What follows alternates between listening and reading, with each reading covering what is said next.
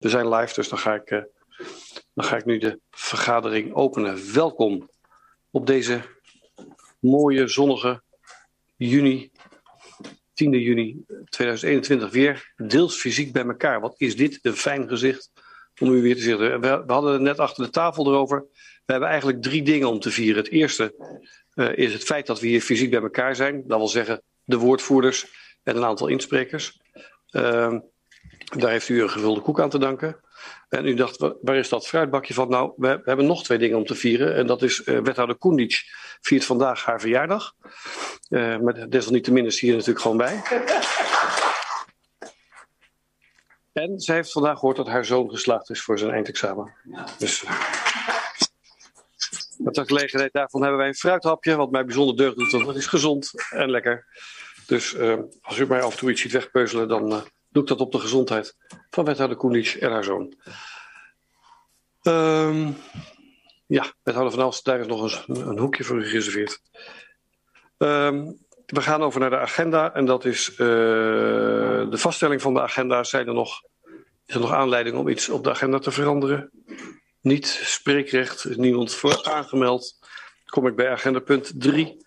Dat is de beslissing op bezwaar, weigering, wijziging, bestemmingsplan ten behoeve van nieuw agrarisch bedrijf aan de Peter van den Bremenweg tegenover nummer 1, nummers 1 en 3.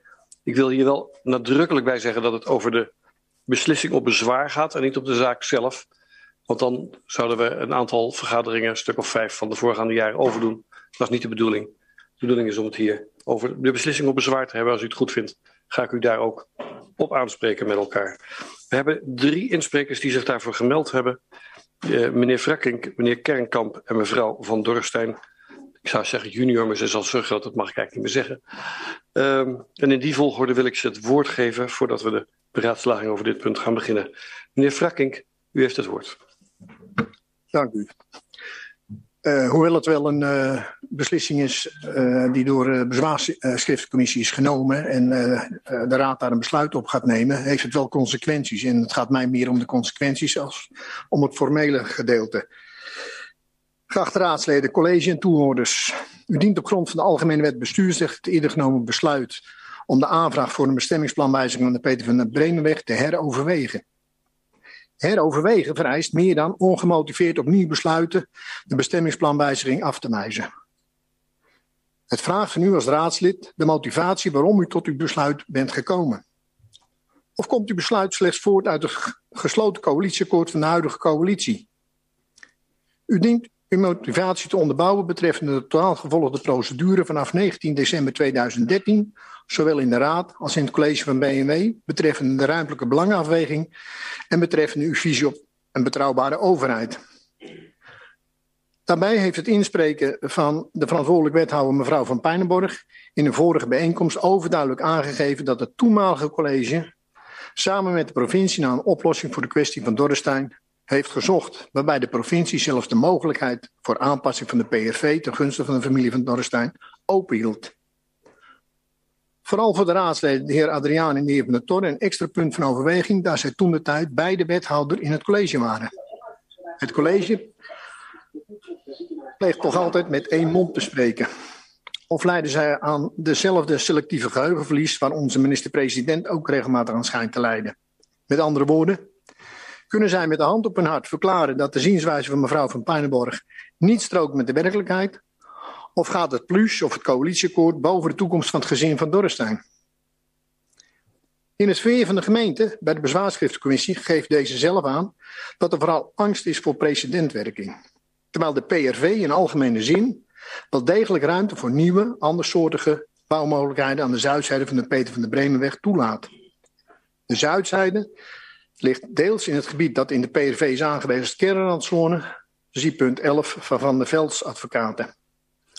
Juist van GGS had ik in dat verband meer sluwheid verwacht, waarbij zij de nieuwe boerderij van Van Dorrestein zouden omarmen, ten einde verdere bebouwing in dat gebied vanwege de stankcirkel onmogelijk te maken.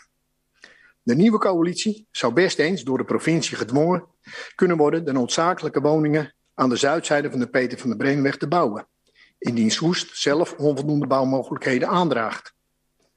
Ook kan de nieuwe coalitie zelf besluiten de kern van... Ik ga u nou toch een beetje in de reden vallen. Ik had eigenlijk mij voorgenomen dat niet te doen omdat u uh, een hele bijdrage heeft voorbereid. Maar u gaat op de kwestie zelf in en die is niet aan de orde. Dus het, het gaat, want u gaat de overweging, het gaat hier echt om de beslissing over het bezwaar, waar de Raad een, een oordeel over moet uitspreken en niet over de gronden van het besluit wat vorig jaar in november genomen is. Dat staat ook in de stukken zo. Dus ik, en, en u gaat nu helemaal uh, nog, nog veel verder daarin. Dus ik vind dat het nu eigenlijk wel het moment is om u te interrumperen. U moet zich echt beperken tot wat hiervoor ligt. Het gaat erom dat er heroverwogen moet worden, meneer de voorzitter. Nee, dat, is, dat ligt niet voor. Dus u kunt inspreken op het agendapunt. En het agendapunt is het uh, letterlijk in te stemmen, of niet, maar daar gaat de Raad over, met het advies van de bezwaarcommissie uh, uh, over drie, over drie, op drie punten. Het gaat over het advies van de bezwaarcommissie, niet over de inhoudelijke kwestie. Nou, ik vind het jammer dat ik de mogelijkheid niet krijg om mijn uh, verhaal af te Ja, ik heb u de mogelijkheid gegeven, maar u gaat niet op het agendapunt in. En ik heb u heel lang laten uitpraten. Maar u gaat nu zelfs naar de toekomst over de omgevingsvisie en dergelijke in. En dat, dat, gaat, mij, dat, dat gaat mij echt te ver, want het gaat echt om, het, om, om de bezwaarschriftencommissie. En ik wil u graag alle mogelijkheden, u mag uw bijdrage ook toesturen aan de raadsleden. Dat vind ik allemaal goed, maar het, u gaat helemaal terug naar de vorige bespreking. En die is afgerond met een raadsbesluit. Maar ik heb het helemaal niet over de omgevingsvisie gehad. Nee, u zegt dat ik, de provincie uh, gaat dwingen om woningbouw te gaan doen. Ik verwijs naar stukken in uh, het bezwaarschrift van de gemeente. Nou, ik ga niet met u in discussie, want dat is mijn rol niet. Mijn rol is in deze vergadering voor te, zetten, voor te zitten. En ik vraag u om u te beperken tot het onderwerp wat op de agenda staat. Nou, ik vind het jammer dat ik mijn stuk niet af kan maken, want uh, ik heb mij niet voorbereid op het besluit u bent vanmiddag nog in de mail van de griffier de van de, van de Nee, dat is niet correct, meneer Verking. Even voor de, voor de notulen. U heeft vanmiddag van de griffier een e-mail gekregen waarbij u expliciet bent gewezen op wat er vanavond voor ligt. Ik heb uh, mijn verhaal voorbereid naar aanleiding van het krantenbericht. En daar stond uh, dat er een heroverweging moest plaatsvinden in verband met uh, het advies van de uh, bezwaarschriftencommissie. Daar heb ik mijn uh, stuk op voorbereid. Ja, dat, dat, dat spijt mij echt vreselijk, maar wij kunnen natuurlijk niet de stukken van de krant. En ik weet dat u zich voorbereidt en daar veel tijd in gestoken heeft. En dat vind ik ook eigenlijk echt heel vervelend. Dat ik u, maar omdat u zo ver van het onderwerp afgaat, moet ik ergens. Dat heb ik bij de inleiding van de agenda al gedaan. Moet ik, moet ik hem ergens afkappen? Ik weet niet hoeveel pagina's u nog wil voorlezen, maar ik, ik verklaar het straks buiten de orde van de vergadering. Ik heb maar één A4 om voor te lezen. Ja, en hoe ver bent u daar? Uh, nou, ik denk dat ik nog een derde moet. Nou, dan vraag ik het aan de raad. Het is buiten de orde, zeg ik erbij. Komen nog meer insprekers, dus... Ja, die ga ik op dezelfde wijze ook behandelen. Dus u mag het zeggen. Het, ik vind het goed om de inspraak, maar nu heeft het op papier gelukkig via de Griffie aan de Raad te verspreiden. We doen volgende week de besluitvorming. Dan heeft u de voorbereiding niet voor niks gedaan. Maar het gaat echt over het agendapunt. Kunt u daarmee leven? Ik niet. Ja, ik zou wel moeten leven. Daar gaat het niet om. Ik, uh, ik ben er niet mee eens omdat het een officieel stuk in de Soeste krant is. Wat van de gemeente Soest komt. En daar staat het dat het over het heroverwegen gaat van uh, het besluit. En uh, daar heb ik mijn stuk op geschreven. Ja, ik heb de Soeste krant niet bij me, maar ik heb het raadsvoorstel voor Nou, u kan zo googlen. Ja, ja, maar ik heb het raadsvoorstel en ik, ben, ik, moet, ik, ik moet mij houden aan het raadsvoorstel. Ja, dat was lekker duidelijk voor de Soester ingezeten als die dan de Soesterkrant Ja, maar dat gesprek ga ik niet met u voeren. Voorzitter. Maar goed, als dat zo moet, dan moet het maar zo. Mevrouw Gastelaars.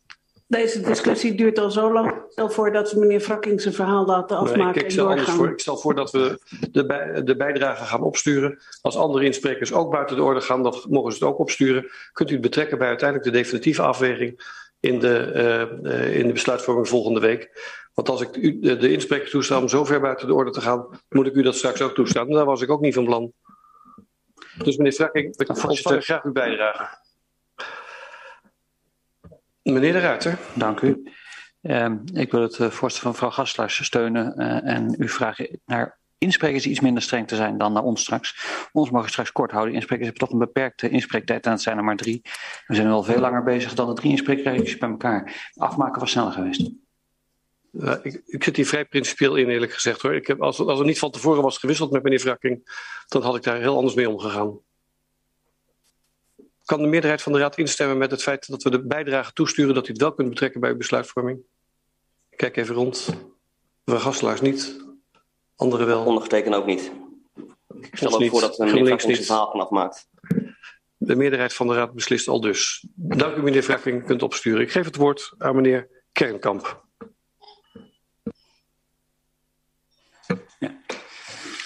Dank u wel, voorzitter. Nou, uh, ik, uh, ondanks het feit dat het niet zo soepel loopt, denk ik dat we blij moeten zijn dat we hier weer eens met z'n allen zitten en elkaar in de, in de ogen kunnen kijken. Ik heb naar mijn mening wel een bijdrage die ingaat op het uh, agendapunt van, van vanavond. Dus ik hoop dat u mij een klein beetje de ruimte biedt. Um, Zeker. Aller, allereerst wil ik wel een klein stukje context doen. En uh, dat begint even met het feit dat uh, het hier snel om een dossier gaat, een agendapunt. En ik wil u toch eigenlijk even in herinnering brengen. Wij zijn zo blij dat we hier weer bij elkaar zitten, omdat we allemaal mensen zijn. En uh, de heer van Dorrestein, André genaamd, is ook een mens van vlees en bloed. En waar het hier om gaat is uh, het bedrijf wat hij op jonge leeftijd door het overlijden van zijn vader al heeft over, overgenomen. En uh, waar het om gaat is zijn bestaans uh, inkomen uh, van, van uh, wat, wat hij hier al zijn hele leven eigenlijk aan het doen is. En het tweede deel van de context is dat het hier nou net om een soort bedrijf gaat waarin waar iedere bestuurslaag hier in Soest, in, in de net verse omgevingsvisie, op landelijk niveau, op provinciaal niveau, heel enthousiast van wordt. Het is lokaal voedselproductie, het is duurzaam, grondgebonden, extensief, circulair. Maar we kunnen denk ik met z'n allen hier in deze zaal ook wel vaststellen dat dit een ruimtelijk ordeningsproces gaat, is wat misgaat. Um, en daarvan kunnen we stukjes teruglezen in het advies van de commissie. Daar staat bijvoorbeeld klip en klaar dat de gezamenlijk voorbereide aanvraag, dat het raar is dat die niet zomaar in behandeling is genomen en naar de raad is gestuurd. Um, er staat ook dat het afwijzende besluit van de raad in drie keer gaat. En dat dat ook een beetje raar is. De eerste keer impliciet. De tweede keer weliswaar expliciet, maar zonder motivering. En dan de derde keer, uiteindelijk komt er, komt er, een, uh, komt er een besluit met een motivatie op basis van het rapport Haskoning. En uh, in het advies van het college wat voor ligt uh, om een besluit op te nemen, lijkt het er eigenlijk enigszins op alsof het college wil dat de raad van het, het, advies van de commissie over de eerste twee besluiten beetje aan voorbij wil gaan. En mijn vraag is in eerste instantie een beetje waarom. Is dat omdat men geen proceskosten eh, wil hoeven te betalen? Is men omdat men het gevoel heeft dat ze in in de eer getast zijn, dat, dat het beter had gemoeten? Uh, het is in ieder geval een, een stuk in dit voorstel wat vanavond voor u ligt wat mij puzzelt. Ik denk ook dat we met z'n allen kunnen vaststellen dat, dat dit hele proces een hoop geld kost. Dus niet alleen tijd, want als je ieder besluit in drieën moet nemen, is dat uh, een hoop waardevolle vergadertijd. Maar het kost ook een hoop geld. En met de decentralisatie van allerlei dingen is geld iets waar de meeste gemeentes, ook Soest, uh, niet te veel van hebben. He, er moeten een hoop rapporten tegenaan om dan uiteindelijk in derde instantie een, naar de mening van de, de commissie, voldoende gemotiveerd besluit te nemen. En ik wil daar nog aan toevoegen dat er nog twee bezwaren lopen. Waarvan één, een WOP-verzoek over de totstandkoming van het rapport van Hans Koning. Inmiddels drie maanden geleden is dit behandeld bij de bezwaarschriftencommissie. En het feit dat daar nog geen advies over ligt, is, is raar, omdat het toch een beetje de indruk wekt. Wij hebben moeten sommeren om een besluit te krijgen van, van het college afgelopen week. Dat het een klein beetje erop lijkt alsof dit wat langzamer gaat, om dat vooral niet bij de besluitvorming van vanavond te hoeven betrekken. Um, uiteindelijk lijkt het erop alsof het besluit van 26 november alles in zich heeft van een doelredenering. In dit lange dossier zijn er al verschillende redeneringen, motivaties om het af te wijzen langs geweest. En iedere keer is gebleken dat zo'n motivatie ook weer ontkracht kon worden. Ik wil u nog maar even herinneren aan het feit dat er ooit gezegd is dat er plenty andere mogelijkheden zijn uh, om, om een uh, bestaande boerderij over te nemen. Eerst door de provincie, later door de adviseur van de gemeente, is steeds uh, bewezen eigenlijk dat dat helemaal niet zo is. En, um, en de vraag die hier voor u ligt, als, als raadsleden, is ja, kijk, als, als die informatievoorziening uh, zo moeilijk is, als we niet precies weten hoe dat rapport tot stand is gekomen, want ik heb begrepen dat u zelf daar ook vragen over heeft gesteld. Um, als we niet weten of alle informatie wel komt of, uh, of op de juiste manier, hoe kan je dan tot een afgewogen oordeel komen? De bezwaarschriftencommissie uh, komt uiteindelijk tot het advies om uh, het, het, bezwaar niet toe te kennen en het, en het besluit in stand te houden. Ik heb inmiddels uh, aan verschillende ervaren juristen te, het laten zien. En ik kan u vertellen dat uh, vanuit ons perspectief er voldoende aanknopingspunten zijn om dit bezwaar door te zetten. En dat betekent dus dat mocht dit besluit vanavond uh, genomen worden, zoals het voor ons ligt, we zeker nog een keer terugkomen in een later stadium met een uitspraak. Maar ik denk dat als laatste waar ik mee wil eindigen is we kunnen het erover eens zijn dat het proces wat we doorlopen hebben met z'n allen hier in Soest, wat we samen in dit huis moeten, moeten zien vorm te geven, ja, op zijn minst uh, onvoldoende uh, effectief en efficiënt is geweest. En de hoogste instantie in Soest, dat bent u, de Raad. En dit proces, als je er naar kijkt en als je ook terugleest wat de, wat de commissie erover zegt, heeft alle kenmerken in zich wat we ook terugzagen in het rapport Ongekend Onrecht. Het, is het heeft hier te maken met een asymmetrische verhouding tussen de overheid enerzijds met zijn apparaat aan ambtenaren en ingehuurde adviseurs tegenover één burger in dit geval die een buurman heeft die hem zo nu en dan bijstaat en een rechtsbijstandsverzekering. En mijn vraag aan u is, is er nou echt geen oud-wethouder of raadslid van D66 die met mevrouw Kaag zou willen zeggen, goh, hier scheiden onze wegen. En die op zoek gaat naar een nieuwe bestuurscultuur.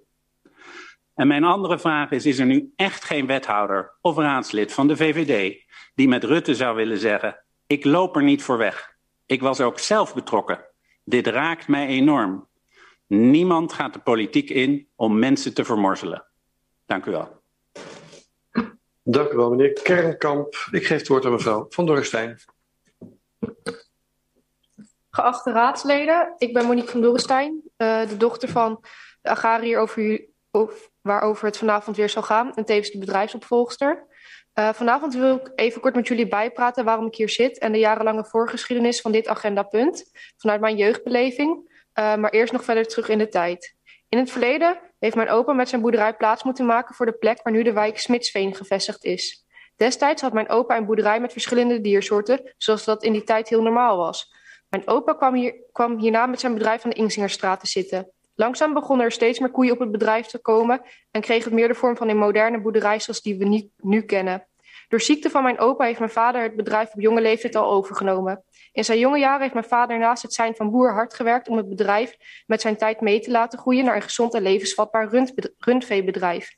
In 1991 is op de boerderij de eerste raszuivere blonde stier gekomen. Het ras wat wij op de dag van vandaag nog steeds hebben en u in en rondom de weides van Soest aantreft.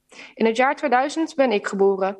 In het jaar hebben drie situaties plaatsgevonden, wat later een grote impact op ons bedrijf zal hebben. In de eerste situatie werd er aan een inwoner van Soest dit jaar een bouwvergunning verleend tot aan de grens van onze boerderij. Met regels rondom in stankcirkel had de gemeente per ongeluk geen rekening mee gehouden. In de tweede situatie werd er een boer in Soest geconfronteerd met een grote brand. En tot slot in de derde situatie had ik na mijn geboorte precies dezelfde passie als mijn vader voor het boerenondernemerschap en de runderen. Als u deze drie situaties samenvoegt, komt u tot de reden dat ik hier nu sta. Onze boerderij aan de Ingzingerstraat was door jarenlange woningbouw eromheen knel komen te zitten.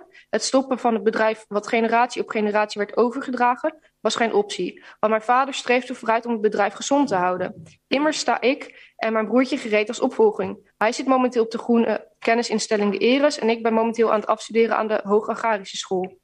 Dus werd deze locatie aan de Peter van de Bremenweg aangekocht in 2004 en definitief juridisch geleverd in 2016. Deze locatie behoort hiervoor tot de behoorde hiervoor tot de afgebrande boerderij. Een mooie oplossing. Zo vond ook de wethouder van de GGS in september 2010. De boerderij weg uit het dorp en de mogelijkheid om extra huizen te bouwen binnen de rode contouren in verband met woningen tekort in Soest. Hiervoor moesten wel wat aanpassingen voor de bestemmingsplan komen. Deze kwamen er in een definitieve besluitvorming in december 2013. Inmiddels moesten ook gelet worden op de nieuwe regels van de provincie, de PRV, de PRS. Uiteindelijk, de uiteindelijke wijziging voor de Peter van de Bremerweg was onderdeel van het raadsbesluit. De tekeningen voor de bedrijfsindeling op die locatie was voor de raad toen ook bekend. Ook werd de wijziging van de bestemming aan de Insingerstraat eind 2016, begin 2017 doorgevoerd naar woonbestemming. In de raadsperiode 2014-2018 heeft het college intensief gestreefd naar de aangepaste uitvoering van het raadsbesluit van december 2013. Hierbij, hierbij werd ook zeer nadrukkelijk medewerking van de provincie verkregen. Daarom is de gebeurtenis die wij in onder andere april 2017 meegemaakt hebben vreemd. Destijds werd er door een ambtenaar een brief naar ons gestuurd, waarin gesuggereerd werd dat de zaak gesloten was, terwijl de ambtenaar en het college op dat moment nog actief met de zaak bezig waren.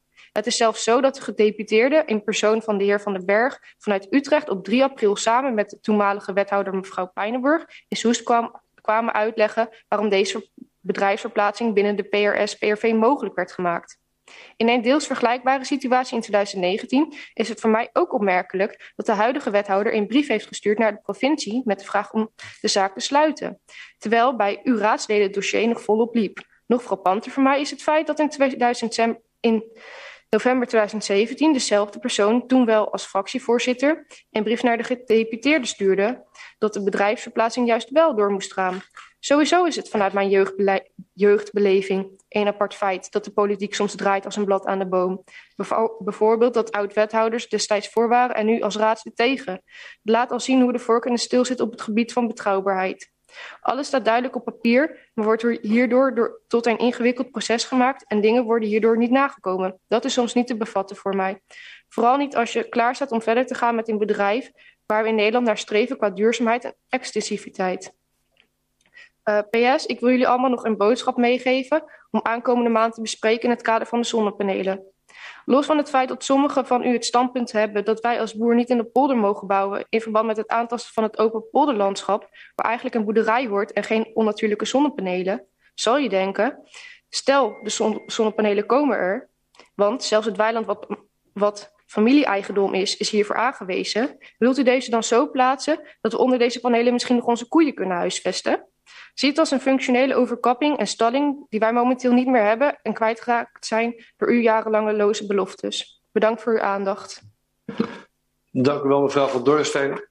Omdat u heel direct betrokken bent, heb ik u het volledige betoog laten voorlezen. Um, maar ik moet wel zeggen dat het niet direct op het voorliggend raadsvoorstel uh, betrekking heeft. En, maar uw laatste suggestie uh, uh, vind ik dan wel weer heel creatief, zeg ik er maar erbij.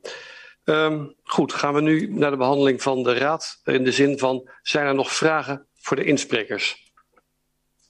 Ik kijk even naar de raad, naar de woordvoerders, of er nog vragen zijn voor de insprekers binnen de kaders van het agendapunt. Nee? Dan ga ik over naar de behandeling zelf. We doen dat eerst zoals gebruikelijk, maar ik leg het toch nog maar een keer uit voor degenen die extern toekijken. Met eventuele vragen voor het college, waar wethouder Dijkhuizen na afloop van het stellen van de vragen al dan niet naar een schorsing antwoord op zal geven. In twee termijnen doen we dat. Daarna brengen we de knip en dan gaan kijken over welk onderwerp u eventueel met elkaar van gedachten wil wisselen. Um, ik ga kijken of ik kan noteren wie er een vraag wil stellen. Ik zie meneer De Ruiter. Meneer Stormbroek. Meneer Boks. Dat is het in eerste instantie. Ik geef het woord meneer De Ruiter en hij spreekt namens de fractie van GroenLinks. Dank u wel, voorzitter. Ja, voorzitter, aan de orde is um, een voorstel om akkoord te gaan met het advies van de bezwaarschriftencommissie en toch ook weer niet. Um, beide bezwaren van de heer Van Dorstein op de eerste twee besluiten van deze raad treffen volgens de commissie doel. Daarin krijgt de heer Van Dorstein dus gelijk.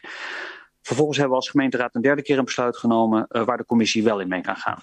Het college stelt nu voor dat laatste oordeel over te nemen als besluit op de geuite bezwaren. En daarover heeft GroenLinks een aantal vragen. Ten eerste, voorzitter, um, wil het college het advies van de bezwaarschriftencommissie niet overnemen waar het de gronden voor niet-ontvankelijkheid voor het oorspronkelijke besluit betreft.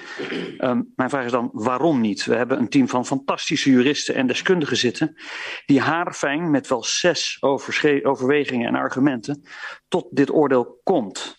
Het college lijkt zeer tevreden met het uiteindelijke advies, maar op dit puntje wil ze dan toch afwijken. Uh, wat weet het college op dit punt beter? Uh, waarom zouden wij kortom als raad in deze niet uitgaan van de expertise van de bezwaarschriftencommissie? Een tweede onderwerp, voorzitter. Um, is binnen het college nog afgewogen dat de commissie onder nummertje 52 wel heel erg gemakkelijk ervan uitgaat dat met de brief van 18 april 2017 namens het college het dossier gesloten zou zijn. Deze brief is immers namelijk helemaal niet door het college ondertekend of met een collegebesluit bekrachtigd. En de voormalig wethouder, mevrouw Pijnenborg, heeft in een openbare inspraakreactie duidelijk gemaakt dat het vorige college dit dossier ook helemaal niet heeft willen sluiten. Heeft het huidige college nog overwogen om de bezwaarschriftencommissie nader te informeren over deze tegenstrijdigheid en daarover aanvullend advies te vragen? Of is het college in dit dossier wel tevreden met de functie elders voor mevrouw Pijnenborg? Ten slotte, voorzitter. Um, beschouwt het college dit advies eigenlijk als uh, driemaal scheepsrecht? Of is nog in het college aan de orde geweest of dit wel de manier is waarop we met inwoners willen omgaan? Blijven we nu net zo lang nieuwe besluiten nemen met steeds weer uitgebreider en duur juridisch advies, tot we eindelijk een keer een juridisch houdbare motivering hebben gevonden, onder de politieke wind die op dat moment waait?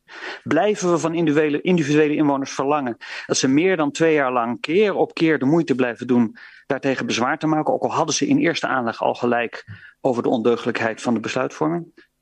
Uh, geeft deze werkwijze nou in de ogen van het college blijk van een bestuurscultuur waar we als gemeente er ook echt voor onze inwoners zijn? Tot zover, voorzitter. Dank u wel, meneer De Ruiter. Ik, geef, ik sprak namens de fractie van GroenLinks. Ik geef het woord aan meneer Stormbroek en hij spreekt namens de fractie van Post. Ik moet gewoon weten dat ik niet naar het scherm kijk. Ja, uh, dank u wel, uh, voorzitter. De Raad wordt gevraagd om onder andere het raadsbesluit van 26 november 2020 in stand te houden. Zonder de uiteindelijk oeverloze discussies waar u over waarschuwde over te doen, kunnen we nu al wel vast een oordeel geven. Wij zijn dat niet van plan. Om de eenvoudige reden omdat we destijds niet eens waren met het besluit. Daarbij voelen wij ons niet zo lang bij het niet ontvankelijk verklaren van eerdere bezwaren van, van Dorrestein op eerder genomen raadsbesluiten. Enkel om de eenvoudige reden dat het raadsbesluit van november een streep trekt door alle voorgaande raadsbesluiten. Bezwaren tegen een aantal van die besluiten zijn namelijk wel grondverklaard. Juridisch en procedureel zal het allemaal kloppen, maar we hebben er een nare smaak van in de mond. Om nog maar te zwijgen over het vertrouwensbeginsel dat niet geschonden zou zijn. Wij zien het begrip vertrouwen niet enkel als een juridische term, maar vooral als een manier om met elkaar om te gaan en gewekte verwachtingen. Eigenlijk vragen wij ons een beetje af wat we überhaupt nu hier doen met dit voorstel. Dus komen wij de handvraag. Sinds wanneer is het aan de gemeenteraad om een advies van de bezwaarschriftencommissie te bekrachtigen en met welk doel? Want naar wij hebben begrepen is dit niet eerder gebeurd. Dank u voorzitter. Dank u wel, meneer Stormbroek. U sprak namens de fractie van POS. Ik geef het woord aan de heer Boks en hij spreekt namens de fractie van LAS.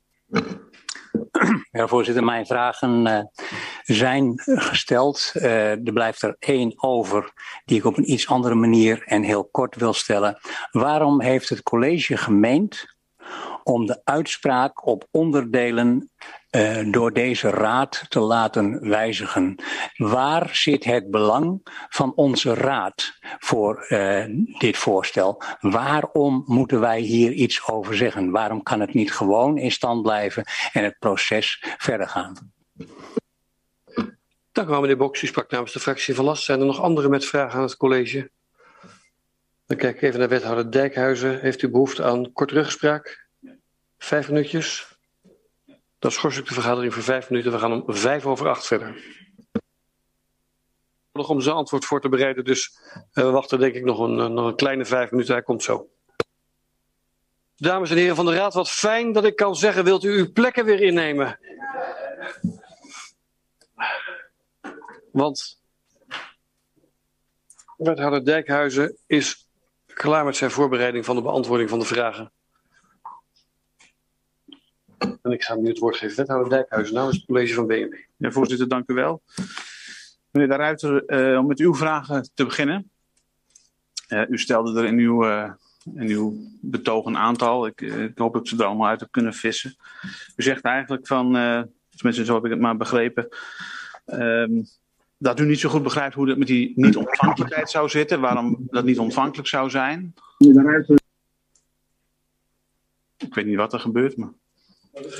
Uh, over die niet-ontvankelijkheid. Maar goed, dat is natuurlijk al uh, verderop uitgelegd. Um, er is geen procesbelang meer, omdat we uiteindelijk in het finale besluit in november 2000, uh, wat was het, 1920, um, het hele proces doorlopen hebben. En daardoor is er uiteindelijk, hè, zoals het in het stuk ook staat, het bezwaar treft wel doel, maar er is geen procesbelang meer. Um, dan zegt u. is, aan, is in het college uh, aan de orde geweest uh, om te heroverwegen. Althans, heb ik hem maar even voor mezelf in steno uh, opgeschreven.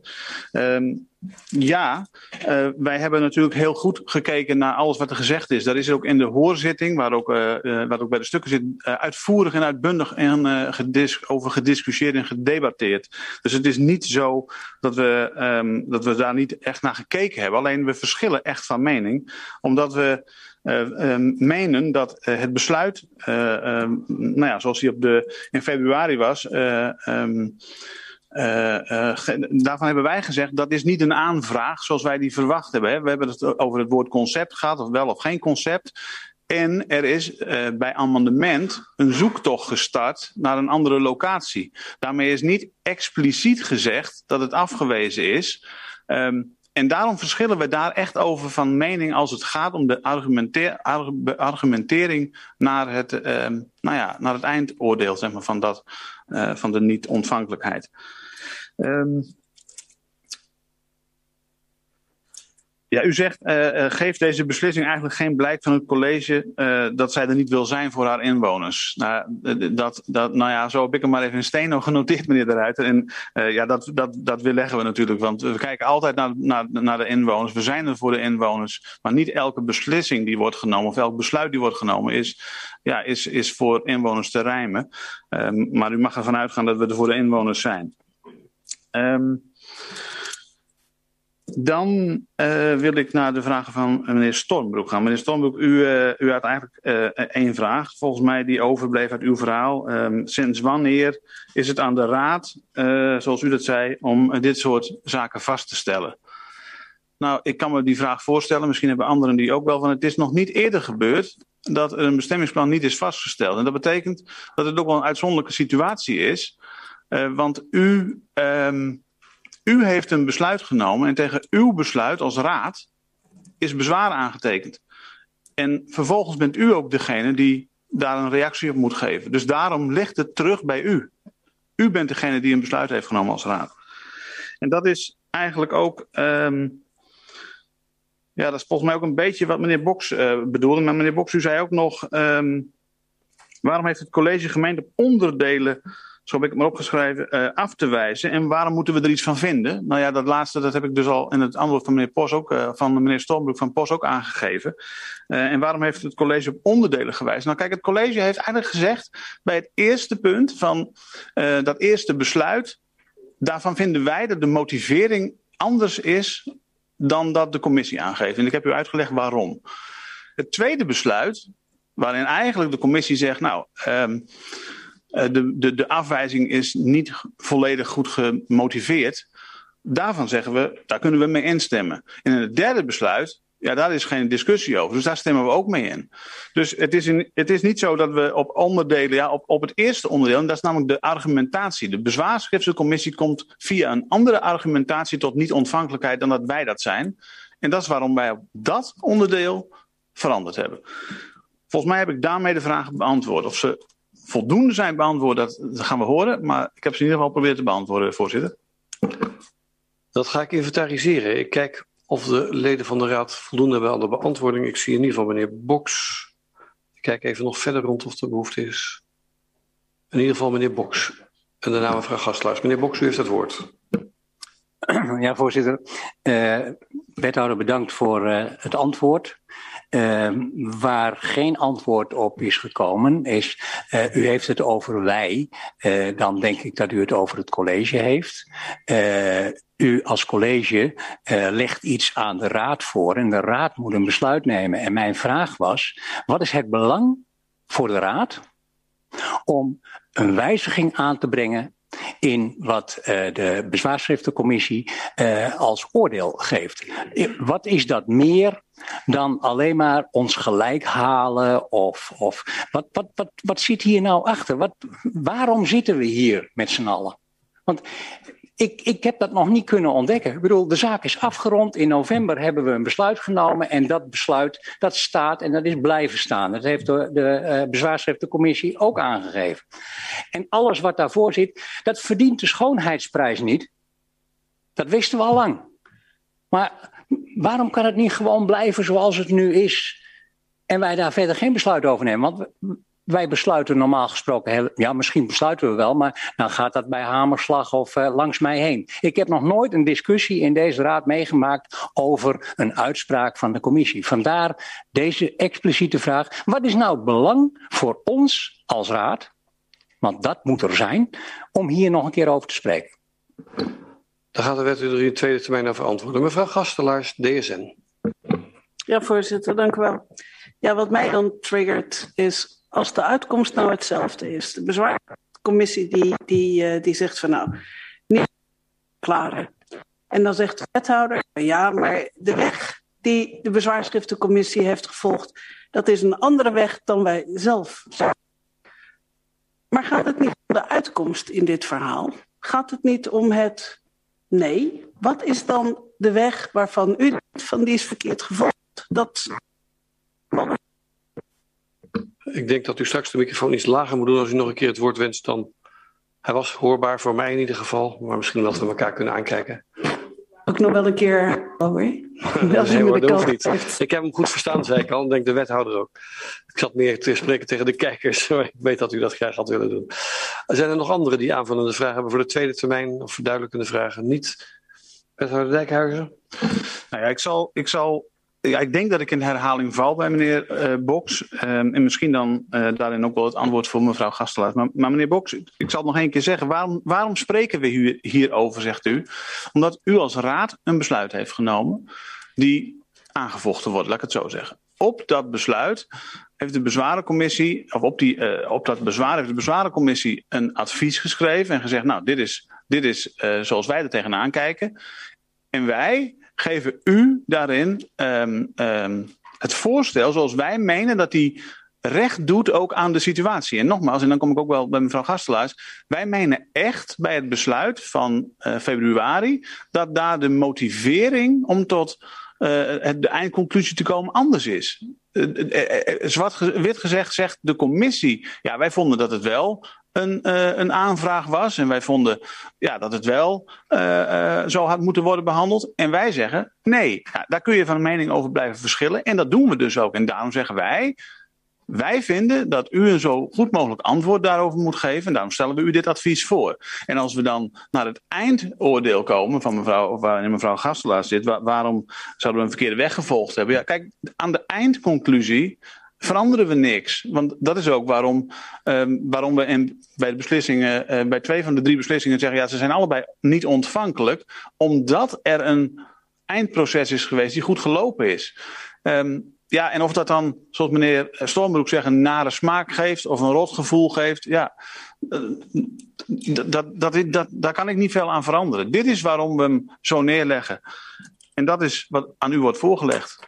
Tot maar is niet helemaal een antwoord op de vraag. Eh, de vraag was, waarom is de raad degene die moet beslissen en waarom beslist het college van BMW niet? Ja, volgens mij, sorry, dat heb ik volgens mij in de, eh, in de eerste termijn ook al gezegd, voorzitter. Het is aan de raad. Zo is het in de wet vastgelegd. De raad moet daar een besluit over nemen, niet het college. Dus de raad is aan zet en daarom ligt het terug bij de raad. Anders hadden we dat als college kunnen doen. Maar het is aan de raad. Zo is het in de wet vastgelegd. Dat is wel af en toe een antwoord, denk ik, eh, meneer Boks. Voorzitter, mag Voorzitter, het is een, uh, het is een antwoord. Uh, uh, alleen het belang van de Raad. wat, ik, wat ik in het, in het verhaal nare smaken en zo, dat is niet aan de orde. Ik kijk puur naar het proces. En zo heb ik er ook vanaf november 2017, geloof 18 ingezeten. En uh, ik zie in uh, het advies van de hoorcommissie, zie ik op grond waarvan wij steeds die discussie hebben gevoerd. Op grond waarvan we niet op 19 februari een besluit hebben genomen, maar dat tweede keer later gebeurd is. De commissie bevestigt dat het proces zo is gelopen. Wij zijn als raad verantwoordelijk voor dat proces. En de commissie beschrijft dat. Ja, waarom moeten we daar dan, moeten wij als raad daar dan iets anders van vinden? Als, we, als wij zeggen van daar zijn wij het niet mee eens, dan hebben we domme dingen gedaan. We hebben gewoon het proces gevoerd zoals het gevoerd is. En dat staat, en niet meer en niet minder, staat daar op papier. Dus eh, ik kreeg een beetje het gevoel van armpje drukken. Zo van, wat verdikkie, die commissie die is het toch eens met, uh, met, met, met, met anderen. Dat ik, gevoel. Waar is het belang terug, van de raad? Dat is ik mijn probeer vraag. even terug te gaan naar wat ik de wethouder. Want ik hoor het u eigenlijk wel eens zijn. Maar eigenlijk hoor ik de wethouder zeggen. Er is een, de raad heeft een besluit genomen. Dat is, uh, want het is een bestemmingsplanwijziging die aan de raad is voorgelegd, niet aan het college zoals gebruikelijk. En de wethouder zegt, als de raad dan daarover een besluit neemt, dan neemt de bezwaarschriftcommissie daarover het advies. En moet dus ook de, de raad daar weer een, een besluit over dat advies nemen. Dus dat is volgens mij wat ik de wethouder heb horen zeggen. Dus even los van de processen, maar u bent het eigenlijk wel eens. U zegt, ja, de raad is aan zet. Dat is ook precies de reden waarom u het besluit moet nemen.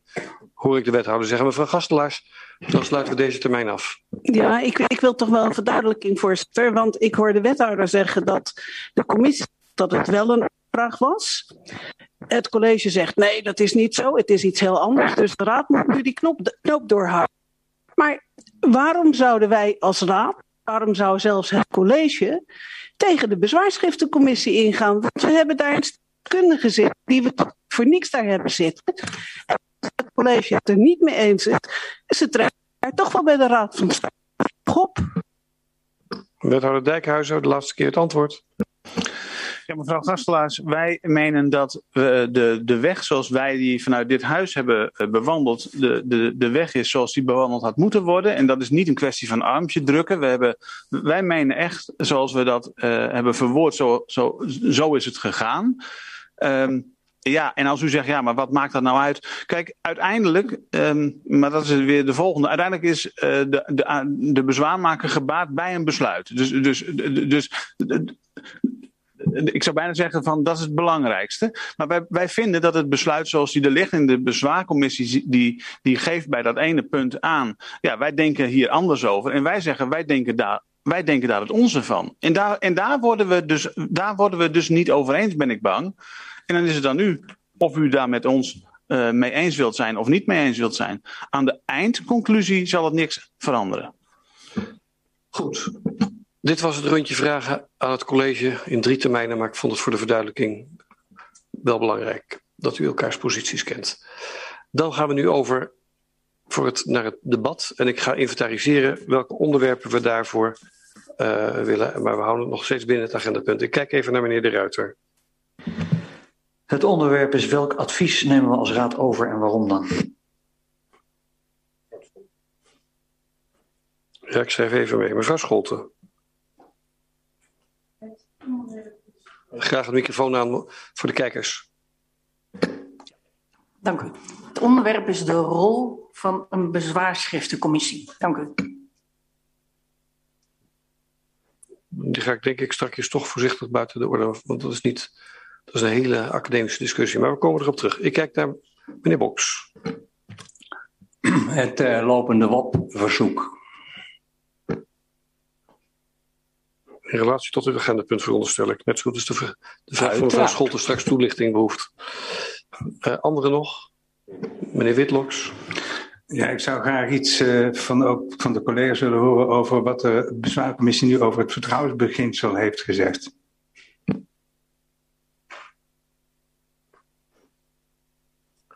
Dat is het? Oké. Okay. Uh, meneer De Ruiter, welk advies wel en welk niet? Heb ik maar wat cryptisch opgeschreven. Ja, dank voorzitter. Welk advies nemen we als raad over en waarom dan? Uh, is dat het advies van de deskundigen in de bezwaarschriftencommissie, uh, zoals eigenlijk gewoon te doen gebruikelijk? We doen alles in huis zoals toen gebruikelijk, dus waarom nu dan misschien niet? Of nee, uh, volgen we het afwijkende advies van het college? En met welk doel zouden we dan afwijken van het advies van de deskundigen in de bezwaarschriftencommissie? We zijn door die deskundigen uh, op de vingers getikt dat we twee jaar lang wat gehaaste, ongemotiveerde beslissingen genomen hebben. Um, nou, dat kan. daar hebben zij zes overwegingen argumenten voor. En ik hoor de wethouder zeggen, ja, wij vinden dat anders. Wij denken daar het onze van. Uh, niet echt in een inhoudelijke onderbouwing waarom wij als raad er ook het onze van zouden moeten denken als lekenbestuur. En daar wat anders van zouden moeten uh, vinden. Um, de achterliggende vraag is dan ook, willen we onze fouten toedekken? Of willen we er gewoon van leren? Vragen mijn collega's, ja. Waarom zouden we afwijken van het advies van de zwaarschriftencommissie? Die vraag, die was in de discussie, die andere vraag is een andere vraag, zeg ik dan maar. In uw laatste zin, uw uitspraak, of één laatste zin. Uh, wie wil reageren op de stelling van meneer De Ruiter? Meneer Lucas, CDA. Ja, voorzitter, dank. Ja, het CDA hecht inderdaad wel waarde aan het totale advies van uh, de commissie. En daar hoort ook bij de gronden van een van die beslissingen die de commissie geeft, of een van de, de adviezen. En als je wilt begrijpen wie hierin gelijk heeft, dan denk je van nou, dan ga ik de stukken eens induiken. En ik heb zitten tellen. Het zijn 15 bijlagen en drie andere teksten. In totaal 347 bladzijden tekst.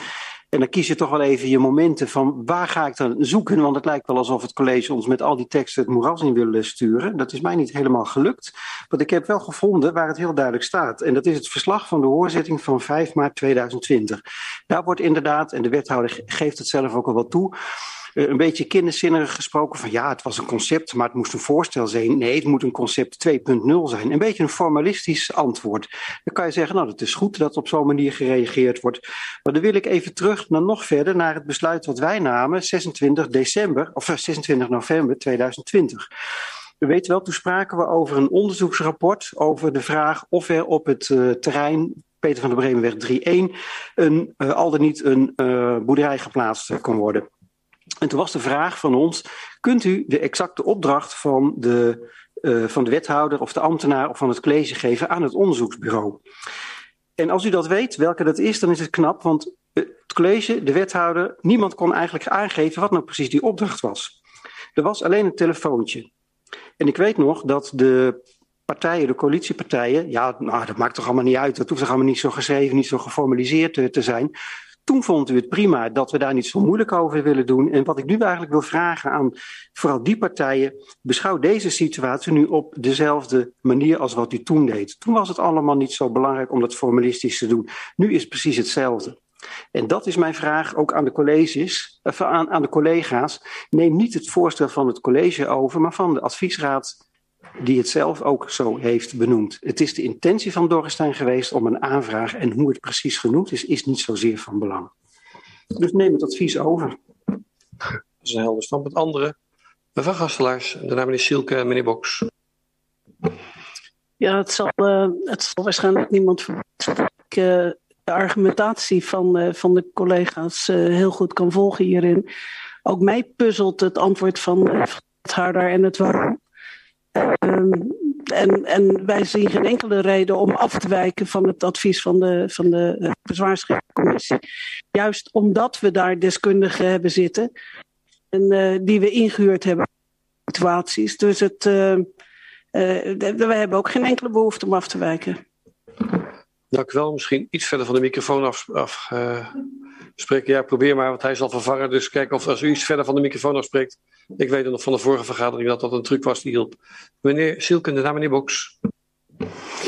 Ja, dank u wel, voorzitter. Um, op het gevaar af van deze formalistische discussie dat de inhoud van het advies van de bezwaarcommissie werkelijk volstrekt de mist in gaat, ben ik blij dat er nog één aspect overblijft, vertrouwensbeginsel.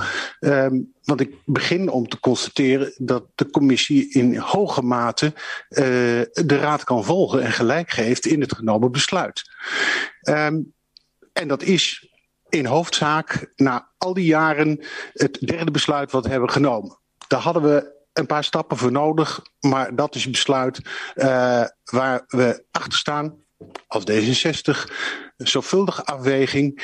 En Um, ja, ik heb geprobeerd, ik heb niet zoveel geduld als meneer Lucas, geprobeerd ook uh, te achterhalen um, wat nou de, de, de reden was um, van uh, uh, de bezwaarcommissie om dat allemaal helemaal uit te rafelen. Hè? En, en daar hebben ze goed werk in gedaan. Maar als ik even de efficiëntie, meneer Kernkamp, die had het daarover, uitga, dat het um, derde besluit, daar, daar gaat het om. Hè? En daar zit alles in uh, verzameld. Daar zijn de afwegingen gemaakt. Um, en dan vind ik het niet efficiënt, want daarmee gaat uh, de heer naar de rechter en dat is een goed recht, dat, dat er dan ook een, een hoeveelheid papier en, en, en ballast meegaat in die rechtszaak. Um, deze discussie kunnen de meeste mensen en ik ook al bijna niet meer volgen. Dus ik vind het eigenlijk verstandig van het college. En of dat een terecht argument is, weet ik niet. Maar uit doelmatigheid vind ik het begrijpelijk en terecht en verstandig dat we gewoon één besluit, waar ook de uh, uh, bezwaarcommissie zegt dat dat een goed besluit is geweest, dat dat het besluit is waar wij ja op zeggen op bezwaar. Het lijkt me dus een Voorzitter, goed besluit. Meneer de Ruiter. Uh, ik, ik, kan de heer Silke nu even niet volgen met hoeveelheid papier. Want ik denk dat als wij afwijken van het uh, advies van de bezwaarschriftencommissie, dat het alleen nog maar meer papier oplevert die uh, naar de rechter moet. Dat is gewoon conform besluit. Dan is het dat advies in ons besluit, dan zijn we klaar. Als we nu weer van afwijken, moet er weer een motivatie achter. Dan moet ook allemaal weer mee. Dus ik begrijp eigenlijk niet wat u efficiënter vindt aan afwijken van het advies van de bezwaarschriftencommissie. Meneer Silke. Ja. Weet u, ik, ik, het gaat om het, om het derde besluit. En dat is wat onze raad het goede besluit vindt. Punt. En dat is het. Meneer Lucas, bij interruptie. Ja, dank. Misschien dat ik iets anders mag uh, inbrengen, wat ik misschien niet wat misschien, ik wou zeggen, mevrouw Van Dorrestein daar beter kan doen dan ik. Ik kan me ook voorstellen dat het juist om het woordje aanvraag bij de heer Dorrestein heel erg belangrijk is, omdat het hem daarmee ook aangeeft, omdat hij daarmee dan ook aangeeft dat hij er echt iets aan heeft uh, gedaan. En ik denk dat dat voor die situatie een hele belangrijke is, want hij wilde inderdaad daar gaan boeren, om het zo maar te zeggen. En dat woordje aanvraag, hoe je dat dan ook maar noemt, kan dus voor de een een hele andere betekenis hebben dan de ander. Dat bedoelde ik net ook met, laten we niet zo formalistisch doen over het concept of wat dan ook. Het gaat om de, het gaat, de, de vraag is, kunt u begrijpen dat het woord voor de een een andere belangrijk, een belangrijkere betekenis heeft dan de ander? En dat in deze het geen punt is om dit belang voor, van de heer Dorrestein te laten prevaleren. Gesteld meneer Silke. Ja, ja uiteraard uh, kan ik me dat goed voorstellen. Alleen in de hoeveelheid papier die we inmiddels met elkaar geproduceerd hebben, vind, vind ik dat nu niet uh, doorslaggevend. Doorslaggevend vind ik dat het helder is dat het derde besluit wat we hebben genomen op basis van het verzoek van de heer Dorrestein om een bestemming vast te stellen. Want dat is ook helemaal niet ter discussie. Ik bedoel, dat, nee, dat is, het, dat is het besluit waar het om gaat. Dus ik zou, bij interruptie. Ook, ik zou ook niet. Gaat u even, maakt even uw laatste zin af, of meneer Boks is toch wel de beurt. Ik, ik, zou hier ook niet mee willen suggereren dat, dat we de familie Dorrestein hiermee te kort zouden doen, want het is absoluut helemaal niet aan de orde. Dus ook de suggestie, daar, daar kan ik dan weer niet volgen. Goed. Meneer Boks. De eh, interruptie ja, vraag, vraag aan meneer, aan meneer Sielke, die het heeft over uh, de grote hoeveelheid uh, papierwinkel die er is. realiseert u zich dat als u het wilt beperken tot alleen het laatste besluit in het advies van de bezwaarschriftencommissie, dat er dan vervolgens nog weer tig aantal pagina's aan toegevoegd moeten worden om dat te motiveren. Dus kunt, kunt u niet mee met de gedachte van GroenLinks, laat het besluit uh, gewoon in stand, dan, dan krijgt u in feite hetzelfde. Ja, die vraag was me al gesteld, hè? dit is een echoputje, sorry. En wat was uw antwoord daarop? Ja. Ik zal het voor meneer Silke herhalen. nee. Uh, het is wat kort samengevat. Hij was wat meer gemotiveerd. Meneer Boks, uw bijdrage nog.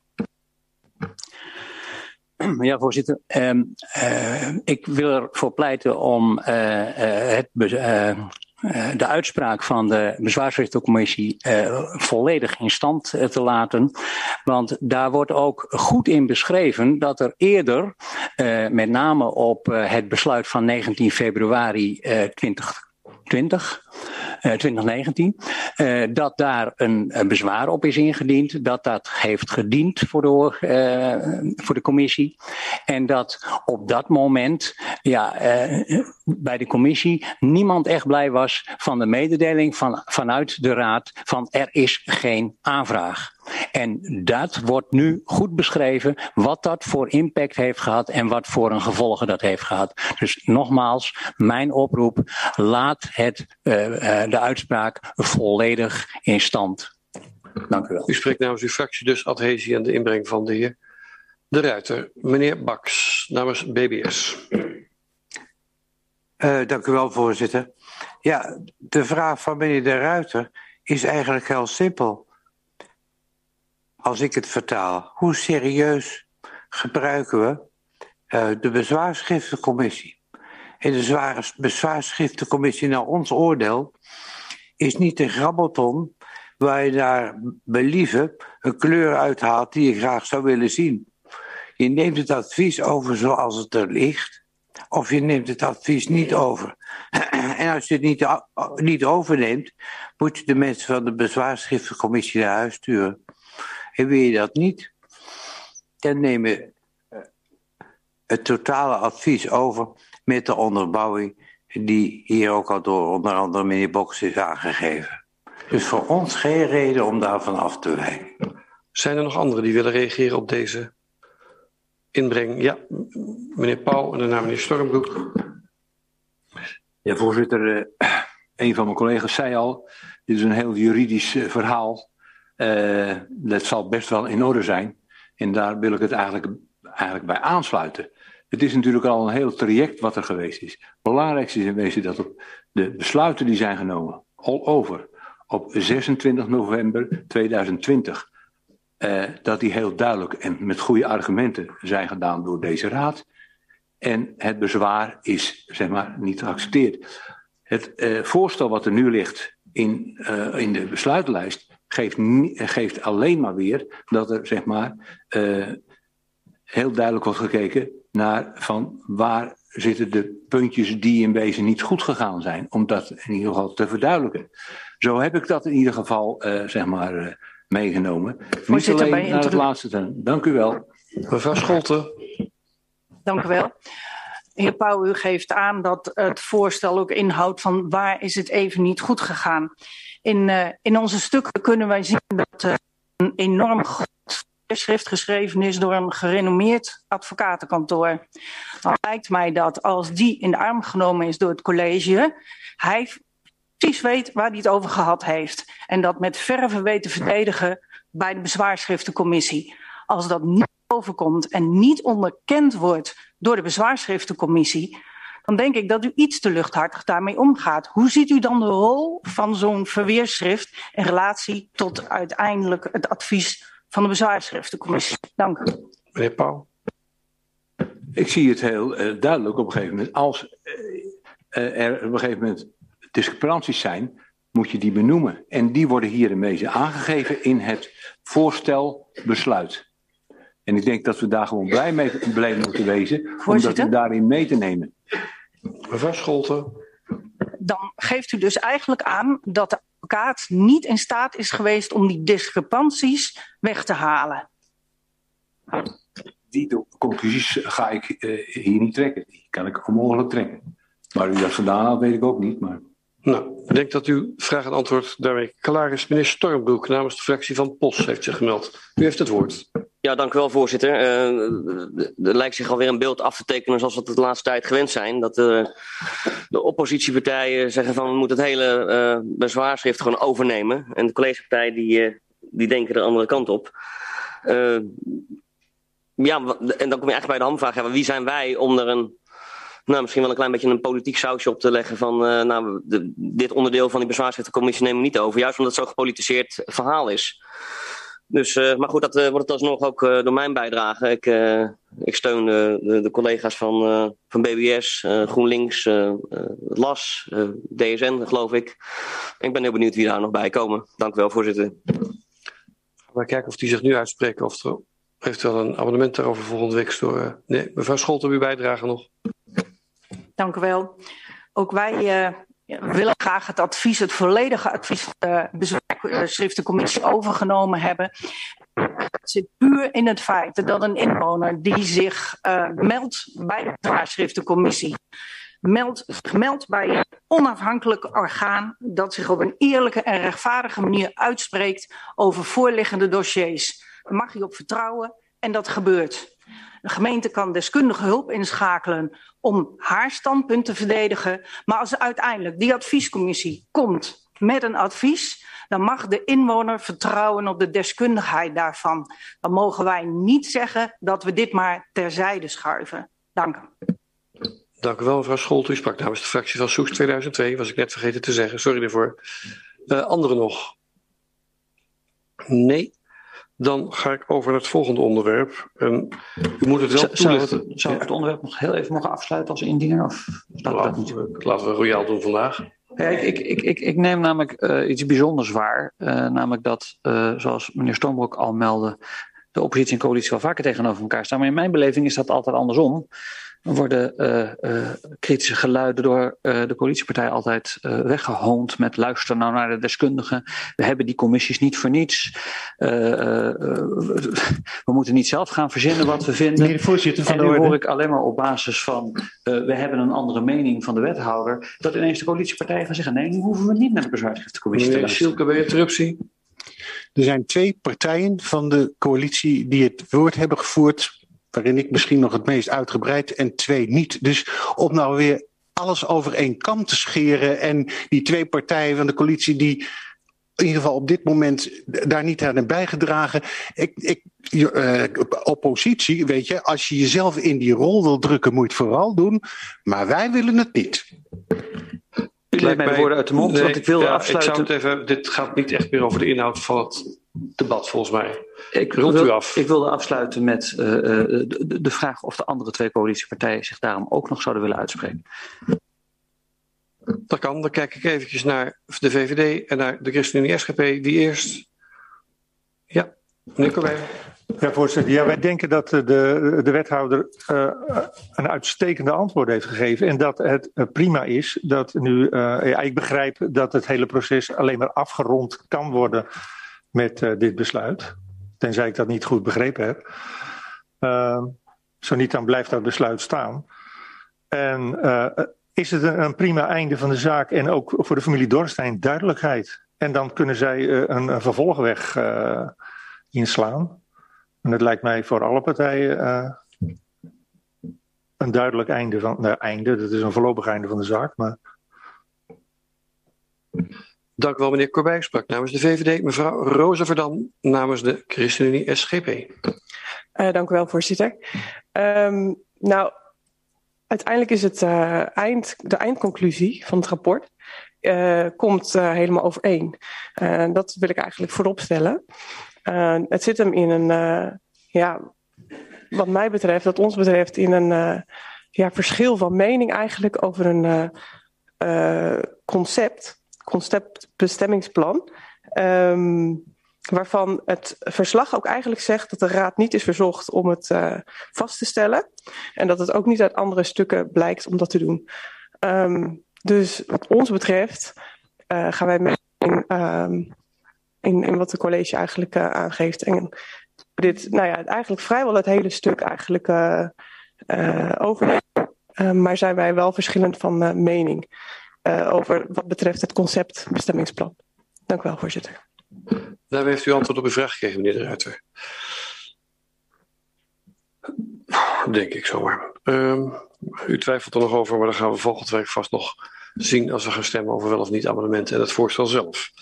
Dan ga ik kijken naar mevrouw Scholten. Ja, dat doe ik al de hele avond. Uh, die zit recht voor mij. Ehm, uh, over de, de, de, rol van de bezwarencommissie, maar ik wil het wel toegespitst hebben op het stuk waar we over spreken. Anders dan gaan we het over het principe van de bezwarencommissie hebben. Dat kunnen we wel een keertje agenderen, maar niet nu. Wilt u de microfoon aandoen en misschien iets lager doen dat u over de microfoon heen praat? Als u hem aanzet, gaat het waarschijnlijk beter. Ja, mooi. Uh, uw verhaal is leuk. Uh, ik had mijn vraag dan ook uh, wat onhandig geformuleerd, maar ik het uh, debat de collega al heel duidelijk gehoord hoe zij um, het advies van de bezwaarcommissie zien. En, en, dat zou mijn vraag zijn genoeg antwoord op gehad. Dank u. U heeft voldoende antwoord gehad, dan hoeven we dit onderwerp niet. Dat was eigenlijk onder, naar aanleiding van het vorige onderwerp al aan de orde geweest. Dan heeft meneer Boks nog de vraag gesteld over een, een lopend WOP-verzoek. Kunt u de vraag toelichten, meneer Boks? Uh, ja, voorzitter. Um, vanavond is al eerder gesproken over uh, het onderwerp betrouwbare overheid. Um, ik wil aan de collega's voorleggen uh, of wij het college kunnen verzoeken, willen verzoeken, om voor volgende week die duidelijkheid over dat WOP-verzoek, dus om daar de antwoorden op uh, hier beschikbaar te hebben, alvorens wij een besluit over dit verhaal nemen. Want uh, het WOP-verzoek uh, gaat over de opdracht aan, uh, uh, ik weet niet eens meer hoe, die heet, maar uh, die dat eindrapport heeft gemaakt op basis waarvan de Raad een besluit heeft genomen. En het gaat er dan om, wat is die opdracht nou precies geweest? En daarover gaat dat WOP-verzoek. Dat WOP-verzoek dat loopt al drie maanden, heb ik uh, begrepen. En het zou ook voor ons als raad van belang zijn en ook voor de betrouwbaarheid van de overheid, dat wij ook weten wat de opdracht is geweest. Dus dat is mijn vraag aan uh, de collega's. Met z'n allen kunnen wij het, dit verzoek richting het college doen, zodat wij volgende week uh, de gegevens hebben. Ik snap uw vraag vanuit politiek perspectief. Procedureel perspectief. Ja, nee, dat snap uh, ik ook wel, maar het heeft eigenlijk niet direct te maken met het besluit op bezwaar. Dus u heeft het, het besluit op bezwaar is gewoon de bezwaarschriftencommissie genomen. En u moet een besluit nemen of u dat wel of niet overneemt. Uh, en uw WOP-verzoek, dat ligt aan de grondslag van het originele besluit, zeg maar. Dat gaat niet over het besluit op bezwaar. Als u begrijpt wat ik bedoel. Dus ik worstel een beetje. Ik vind het prima om het daar met elkaar over te hebben. Nog even los van het feit dat ik geen idee heb of het kan. Maar het is, uh, we hebben niet zo heel veel agendapunten vanavond, zeg ik dan maar grappig, grappigerwijs. Maar het is niet. Het is eigenlijk. Voorzitter, het is, het is zwaarwegend. Ik bedoel, het gonst in het rond. En op het moment dat, die, uh, dat WOP-verzoek, uh, de uitslag daarvan komt, nadat wij het besluit hebben genomen, en wij krijgen dan informatie die wellicht voor ons uh, tot een andere besluitvorming zou zijn gekomen. ja, maar dat is, net, dat is net het procedurele punt wat ik naar voren breng. De, de, de bezwaarschriftencommissie heeft uitspraak gedaan, die is klaar. En nu moet een besluit nemen over die uitspraak. Dus de grondslagen van die uitspraak staan niet meer ter discussie. Dat is hooguit straks bij de rechter weer een, een, een element wat mee gaat spelen in, de, in, de, in, de, in het bezwaarschrift, wat daar ongetwijfeld zal worden ingediend. Uh, dus, het is, dus ik snap uw punt zeg maar, inhoudelijk wel, want u wil graag weten de achterkant van. En ik weet helemaal niet of het kan, en ik vind eigenlijk dat u het wel zou moeten weten. Wij ik gaan niet naar waarom... de rechter, hè? Wij als raad staan voor die rechter. Die rechter toetst een besluit wat wij hebben genomen. Nee, maar u neemt nu een besluit op bezwaar. Het eerdere besluit heeft u al genomen. Dat is het procedurepunt wat ik eventjes. En ik wil niet dwars liggen, want dat, u kent mij als dwarsligger en dat wil ik nou niet een keertje niet. Maar ik probeer me wel bij het agendapunt te beperken. Ik zou toch graag deze discussie Misschien mag ik een vraag terug aan meneer Bob stellen. Oh ja, want, u redt mij, dank u. Ja, want ik ben eigenlijk ook wel benieuwd waarom u het wil weten. Want deze discussie hebben we al gehad uh, in de tijd dat het uh, advies voorlag. Toen was de discussie, ja, wat is nou die opdracht? Nou, vervolgens hebben wij inclusief dat advies een besluit genomen.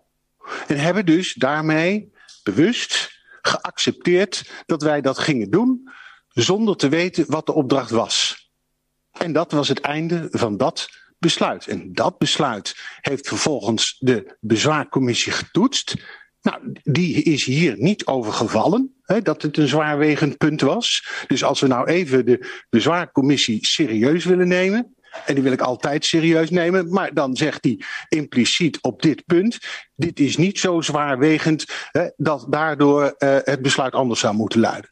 Nou, dan ligt het besluit van uh, de bezwaarcommissie voor. En dan denk ik, ja, in perspectief, meneer Boks, um, wat dan de opdracht zou zijn geweest, doet dan echt niet meer ter zake. Oh, daarmee gaat u toch het debat al over dit onderwerp aan. Dus voor mij eh, mag het allemaal, maar als u dat verzoek doet. Uh, maar het gaat kan het besluit. Mag ik uh, het herformuleren? Ja, dat mag wel tijd. mag ik een, een oproep doen aan de collega's om het college aan te spreken op: joh, kom daar nou even snel mee, dan zijn we daar ook weer vanaf. Nou, die, die, die wil ik wel meteen onderschrijven. Ja, zeker. Anderen nog? Zijn degenen die tegen zijn? dat is een bekende techniek, meneer Corbijn. Dan is bij deze de oproep aan het college gedaan, uh, voorzitter. Dank u wel. Ik zie, ik zie ja, meneer Pauw. Ja, voorzitter. Eh, ik wist niet dat meneer eh, Bok zoveel WOP-verzoeken had ingediend. Dat het gemeentelijk apparaat het niet meer boven water kan krijgen. Uh, om Voorzitter, bij interruptie. Ik heb geen WOP-verzoek ingediend, hè? Nee, nee, maar dat is ook wel duidelijk. Meneer Pauw, gaat u verder. Oh, nou, dan in ieder geval voor de duidelijkheid. Ik denk dat de gemeente altijd staat voor, zeg maar, zo snel mogelijk te voldoen aan de WOP-verzoeken van burgers. En dat is voor mij een vaststand feit. Dus ik hoef die extra oproep niet te doen, want het gebeurt altijd al. Volgens mij meneer Boks het punt voldoende bediscussieerd. Heeft u uw punt uh, ruimschoots gemaakt. Ik ga naar meneer Witloks en die wil iets over het vertrouwensbeginsel, maar wil dit wel beperken tot het agendapunt. Ik zal proberen, meneer de voorzitter. Maar ik wil allereerst even uh, vertellen dat we het heel erg lastig vinden, om, uh, omdat wij destijds tegen het raadsbesluit waren. En nu moeten we iets zeggen over het advies van de bezwarencommissie. Maar goed, dat is net al aan de orde geweest. Uh, heel simpel, ik zou zeggen, stuur het nou in zijn geheel mee dat is ook de andere collega's, maar ja, is notabene door de oppositiepartij gezegd. Stuur het nou in zijn geheel mee. Dan is, dat, dan, dan is dat in ieder geval, doet ook recht aan de bezwarencommissie. Waar ik een beetje mee zat is het volgende. Uh, in, het, uh, uh, in het stuk van het college staat dat het beroep op het vertrouwensbeginsel slaagt niet. En dat, uh, dat zegt ook de bezwaarcommissie. Dat slaagt niet omdat het dossier over de bedrijfsverplaatsing uitdrukkelijk bij brief van 18 april 2017 is gesloten. Ja, wij hebben na 2017 toch nog een heleboel over de, dossier gezegd, geschreven, et cetera. Uh, de provincie heeft zich er uh, nog mee bemoeid. Ik kan me nog een, een zitting in de kaasboerderij, waar het ook was, herinneren. Uh, we hebben nog gepraat een korte tijd geleden over een black box die, die groter en kleiner werd. Ik vind het een beetje raar om dan te zeggen dat het dossier al gesloten was in 2017, terwijl daarna nog volop in discussie is geweest. En eh, dan vind ik die zinsnede hierin heel erg opmerkelijk en die kan ik eigenlijk niet zo goed plaatsen. En u wil van uw collega's weten of ze die mening met u delen. Ik denk dat ik het bijna kan uittekenen. meneer Boks en meneer Lucas. Ja, voorzitter, het zal weer langs dezelfde lijnen lopen. Uh, ik, ik begrijp hem ook niet, maar dat heb ik in het interpellatiedebat uh, al voldoende duidelijk gemaakt. Uh, een groot voordeel is dat dit hele dossier ook met deze toevoeging van de bezwaarschriftencommissie naar een andere rechter gaat. En die gaat er nog eens een keer heel goed naar kijken. En die neemt ook al die uh, gesprekken die na die tijd hebben plaatsgevonden, neemt hij ook in notitie. Dus kijk, wij, wij zijn hier vanavond niet om het besluit nog eens even over te doen. Ik bedoel, dat besluit is genomen. En vandaar ook, ik, ik, ja, ik heb geen enkele behoefte om straks te, tegen te stemmen anders dan dat het uh, een geamendeerd uh, voorstel wordt. Het voorstel van, van, van het college ga ik niet in mee. Gewoon vasthouden aan datgene wat er is. Het wordt daarna toch allemaal nog een keertje getoetst. Dus ja, zo heel belangrijk. Uh, nogmaals een goed punt. Maar ik denk niet dat het in de, in de totale zin heel erg belangrijk is. Dank u wel, meneer Boks namens Las. Meneer Lucas namens het CDA. Ja, dank. Ja, ik, ik ben het in die zin uh, wel eens, omdat ik ook wel weet dat we inderdaad na 2017 als raad, maar ook daarbuiten nog van alles en nog wat uh, hebben gedaan. En ik heb zelf ook nog opgeschreven bij mijn agenda uh, of bij mijn aantekeningen dat het uh, met het besluit daarmee uh, wel juridisch rechtsgeldig werd, maar voor ons in ieder geval niet rechtvaardig. En dat is, een, dat is een ander begrip. En dat was ook een beetje onze worsteling van op een gegeven moment heeft de Raad iets besloten. Wij vonden van niet. Maar ga je dat dan als uitgangspunt nemen? En dat is inderdaad ook de discussie die de, de heer Boks aangeeft. Dan neem je dat als uitgangspunt en dan ga je daar vanuit verder. Maar het is eigenlijk een, een verkeerd fundament. En dat is, dat is de, de, lastige discussie. Want we mogen het, en dat wil ik ook niet, we mogen het niet hebben over het besluit. Hè, dat is het verboden woord uh, in, in deze. En ik zal niet zeggen hoe het tot stand is gekomen, labbekakkerig of niet, want dat mag, uh, dat mag allemaal niet meer. Maar we, we zijn er nog niet vanaf. Dat ben ik uh, met u eens. Dat is niet alleen niet meer mogen, maar dat is niet aan de orde. Dus daar gaat gaat u uiteindelijk zelf over. Het is uw reglement van orde. Meneer Sielke. Ja, de kijkers uh, of de luisteraars, uh, die, die hebben die tekst niet voor zich. En dan vind ik het toch een beetje lastig, meneer Witloks, dat u net, net het derde punt van de bezwaarcommissie neemt.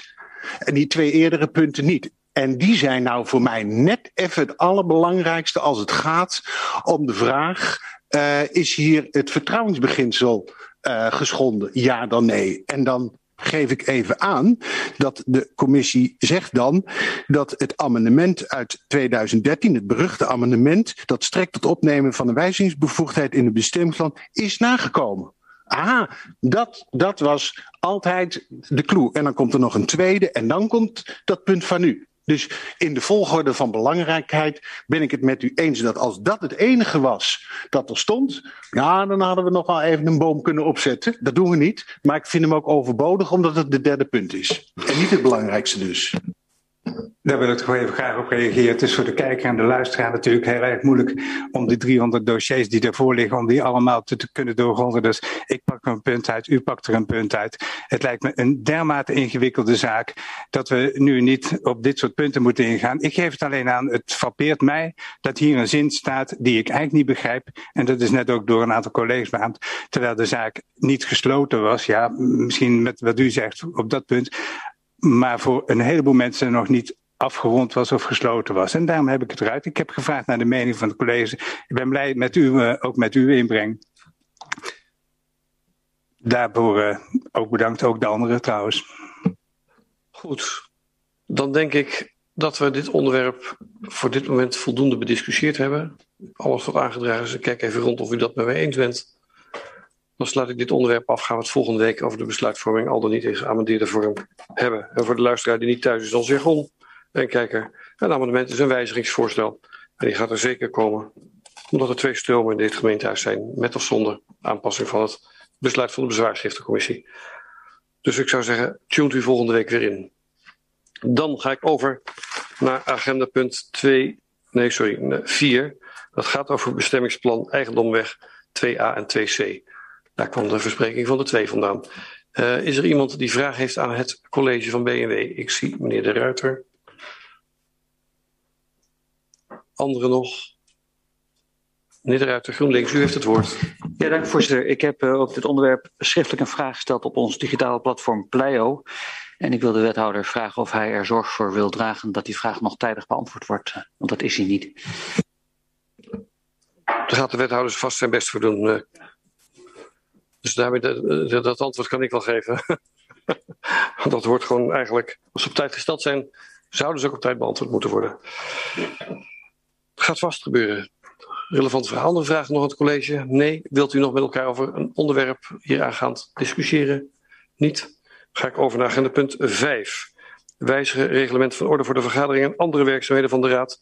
En ik wil u erop wijzen dat er één essentieel onderdeel is wat, uh, waarom u het wil wijzigen, maar dat er onderdelen in staan die niet meer recht doen aan de huidige situatie, maar die we bij een grondige wijziging later zullen doen. Bijvoorbeeld het verzenden van een verslag, want we nemen nu alles op. Dus dat, uh, opdat u het maar weet, dat u mij er niet aan houdt van burgemeester, u doet uw werk niet. dat zijn van die praktische punten die komen later. Maar gaat u het vooral verder daarover hebben. Heeft u vragen daarover aan uw eigen commissie? Want het is niet vanuit het college. Meneer Lucas. Nou ja, een vraag, misschien meer een opmerking. Ik dacht dat er in de tekst ook stond dat de plaatsvervangend voorzitter. Wij zijn het erover eens met alle voorstellen, hoor. het is meer een, een vraag. uh, zou moeten komen uit uh, een, een, een, uh, iemand die al raadslid is of is geweest. Dus dat, dat zou eigenlijk betekenen dat je geen mystery guest als plaatsvervanger kan hebben. Um, wat wat was, is daar ook alweer de achtergrond van? Is dat dat je de ervaring moet hebben als raadslid? Dat vraag ik eigenlijk even aan de commissieleden, van een van de commissieleden. Wie van de commissieleden? Meneer Pauw. Ja, dank u wel. Uh, ja, belangrijk is in wezen, de commissie heeft daarover gesproken, dat er uh, toch wel enige uh, zeg maar, ervarenheid moet zijn met het raadswerk om het te kunnen doen. En wij hebben eigenlijk arbitrair aangegeven, nou laat ze in ieder geval één raadsperiode de ervaring hebben meegenomen. En dan kan je zeg maar kandidaat stellen. Voldoende beantwoord. Nog andere vragen? Ja, meneer Corbij. En daarna mevrouw Bonnevrier. Ja, een kleine aanvullende vraag. Dus precies een jaar, stel je nou voor, iemand heeft, zit er uh, drie uh, uh, jaren van de vier in en die is uiterst geschikt. Zit er nog enige rek in? Nee, herstel, het is geen één jaar, het is één termijn. Ja, ik bedoel één termijn, maar die termijn die bestaat uit vier jaar. En stel nou voor dat iemand dat die... is vier jaar. Drie, ja, dus vier jaar. Je moet vier jaar raadslid zijn om, zeg maar, kandidaat te dus u komt er straks in aanmerking, meneer Ja, nee, maar ik vroeg me gewoon af of daar ook nog enige rek in zit. Uh, wat zijn de Uiteindelijk gaat u er allemaal zelf over. Hè? Gedurende de periode. Goed, als ik u bijna mag vragen de microfoons uit te doen, dan ga ik mevrouw Boenevrier het woord geven. Oh.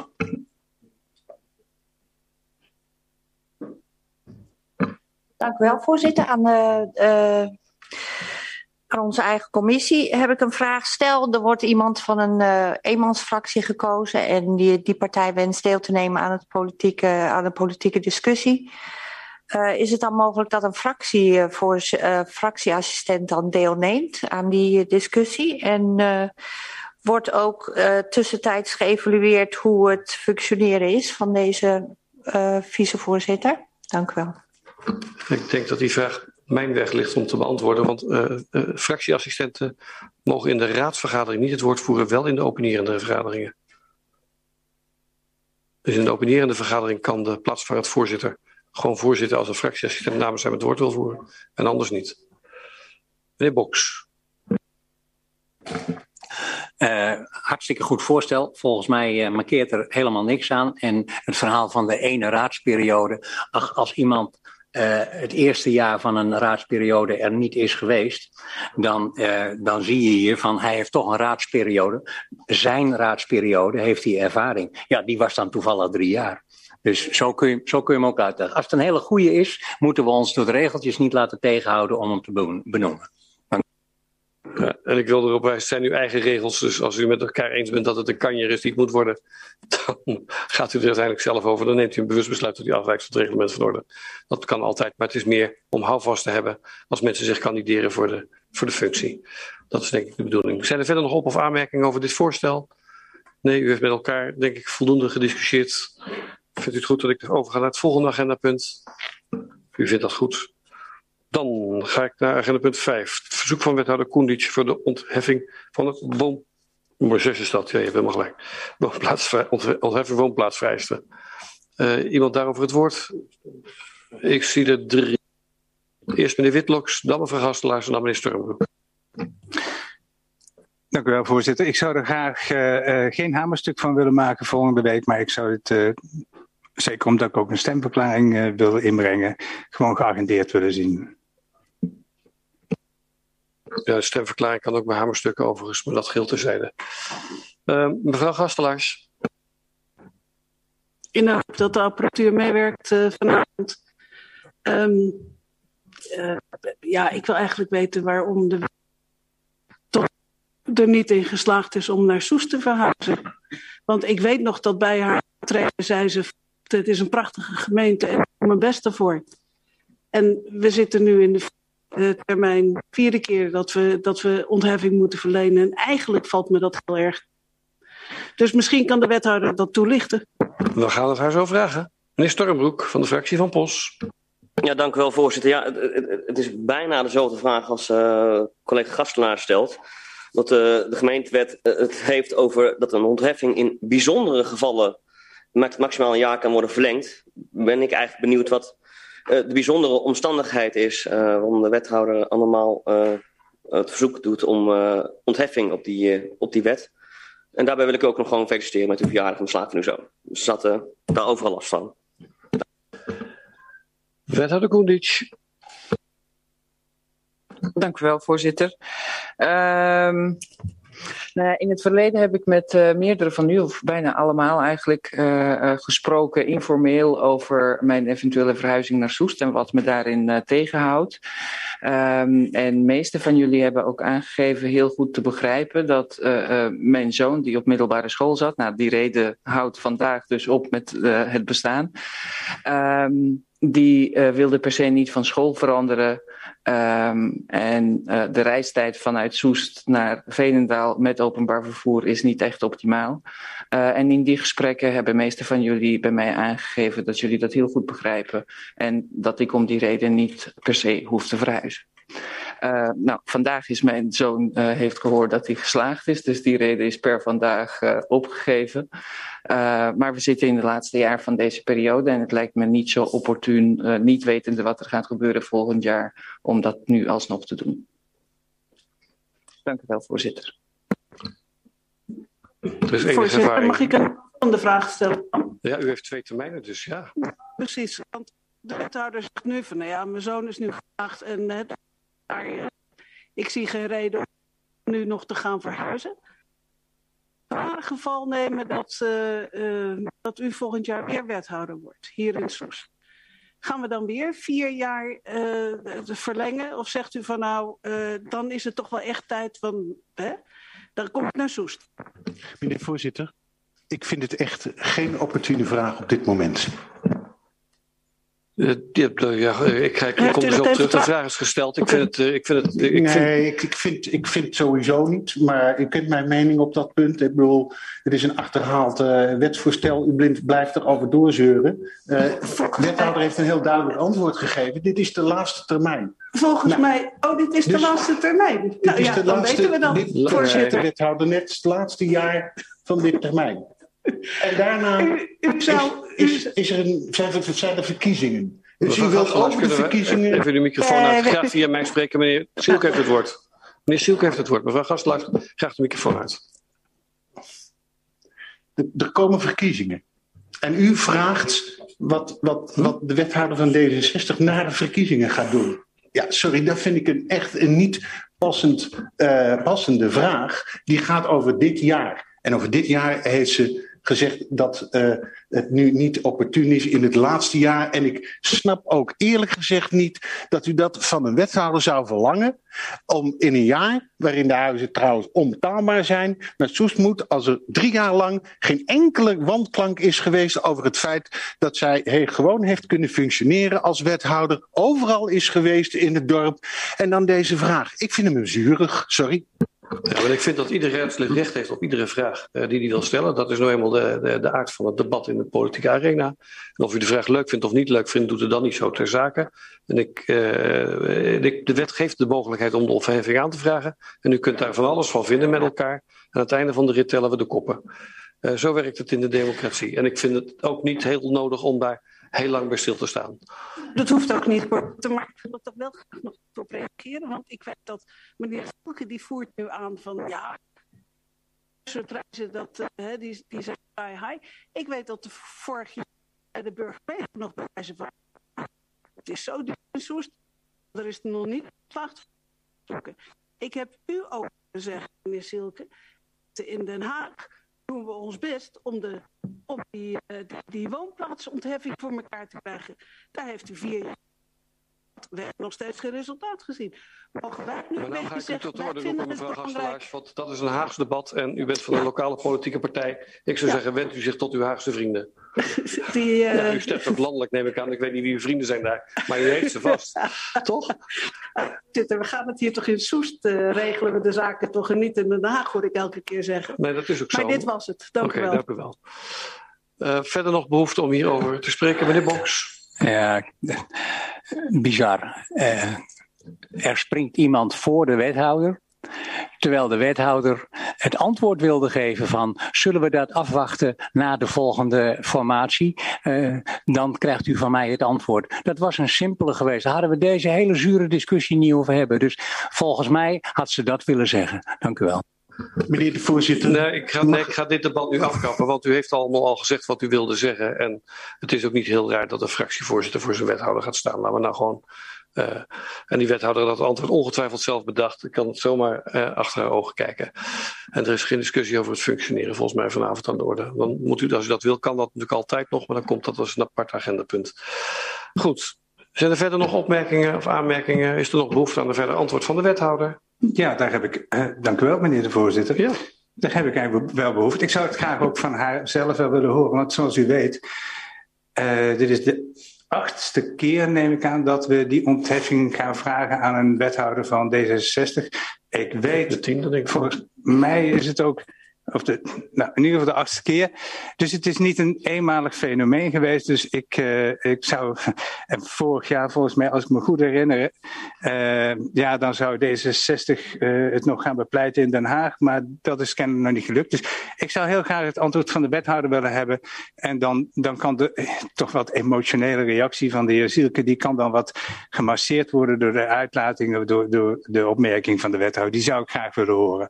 Nou deze. Ik wil de wethouder zo graag het woord geven, maar ik wilde wel bij opmerking dat de mogelijkheid voor een ontheffing gewoon in de, in de gemeentewet staat. En dat u kunt ja of nee zeggen en de gemeentewet is de gemeentewet. En ik vind wel dat u het langs de lijnen van het eerlijke debat moet voeren. En, uh, en niet, niet anderszins, want u probeert gewoon nu politiek te bedrijven over iets wat gewoon in de wet staat. Dat vind ik wel, dat vind ik zelf als voorzitter van uw raad wel ingewikkeld in dit, in dit proces, eerlijk gezegd. Wethouder, wilt u antwoord geven? Nou ja, um, bijna gelijk als uh, uh, wat meneer Bok zei. Uh, ik kan niet in de toekomst kijken. Ik weet niet wat, hoe de verkiezingen zullen uitvallen. Ik weet niet hoe de formatie uitvalt. Ik weet niet welke portefeuille er zullen zijn. dus ik kan ook niks zeggen over of ik dan wel of niet kan gaan verhuizen. Ehm, maar nu wil ik graag, als u dat goed vindt, ontheffing voor een jaar. Goed. Zijn er nog anderen die hierop inwensen te gaan? Niet? Komt u voor? Ja, voorzitter. U met uw uitleidingen noopt mij om op u in te gaan. Want u zegt het staat in de wet.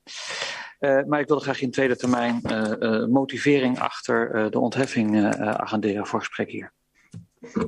Ik vind het goed. U mag.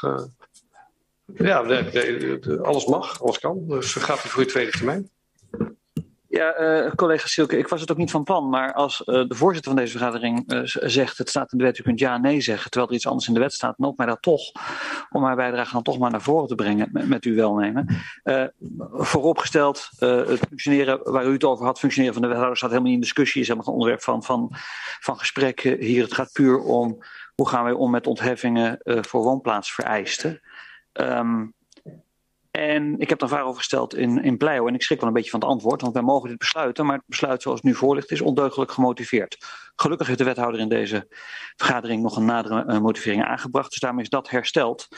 Um, maar ik heb toch wel een, een, een vraag of wij in de toekomst weer zo gemakzuchtig met dit soort ontheffingen, uh, aanvragen tot ontheffingen willen omgaan. En dat is eigenlijk een vraag die ik met name aan uh, uh, VVD en ook CDA en PvdA stel, want dit zijn de partijen die in de Eerste Kamer het wetsvoorstel hebben tegengehouden om dit niet meer nodig te maken. Eerst meneer Baks, dan meneer Pauw. Ik wacht even tot mijn lampje rood brandt. Oké, okay, dankjewel, voorzitter. Uh, meneer de Ruiter, u wilt mij toch niet in de positie brengen dat ik hier motivaties om niet te verhuizen moet wegen. Ik denk dat dat eh, een kilometer of tien van mij vandaan moet blijven. Uh, ik ga uit van ieders uh, reële, eerlijke aanvraag en de achterligging, da, daarbij, die, die, die motivatie, die wil ik eigenlijk geen eens horen. Ik, ik ga ervan uit, iedereen zit hier voor het algemeen belang het belang van de gemeente Soest. We hebben daar de afgelopen jaren. Voorzitter, interruptie. Niet, niet één keer de wethouder op ter orde moeten roepen. Ik, ik vind dit uh, te ver gaan. Een interruptie van meneer Stormbroek op meneer Baks. Meneer Baks. Ja, waar deze discussie over wordt aangezwengeld, is mijn vermoeden van de heer De Ruiter, is dat er in de wet staat onder bijzondere gevallen. Dus in die zin, uh, meneer uh, Baks, denk ik dat het wel iets is waar we over zou moeten nadenken of het. even los van het feit of, of, of, of, of wij de motivatie van de wethouder onder bijzonder vinden vallen moet u er wel wat voor vinden. Bij interruptie. Ja, dat wordt me nou wat ingewikkeld als u het goed vindt. Want het was een interruptie van meneer Baks op meneer De Ruiter. Waarop meneer Stormbroek meneer Baks interrumpeerde. Waarna nu mevrouw Scholten gaat interrumperen op meneer Stormbroek. Terwijl ik eigenlijk denk dat meneer De Ruiter op het punt van zijn stoel zit om het antwoord op meneer Baks te formuleren. Terwijl ook nog meneer Pauw zit te wachten om meneer De Ruiter te interrumperen. Dus als u, dit, dit is wat ik in ieder geval heb gerecapituleerd zoals het nu gaat. Um, uh, meneer De Ruiter, wilt u mij helpen? Welke volgorde wilt u het liefst? Ja, dank u. Ik, ik, ik zit inderdaad het puntje van mijn stoel. Nou, dan krijgt u als eerste het woord. samengevat. Uh, zelfs enigszins komisch, maar to the point.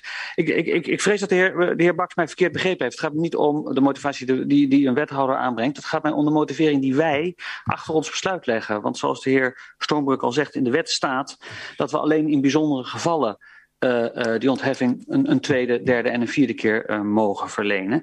En we hebben daar nu geen motivering achter in ons besluit liggen.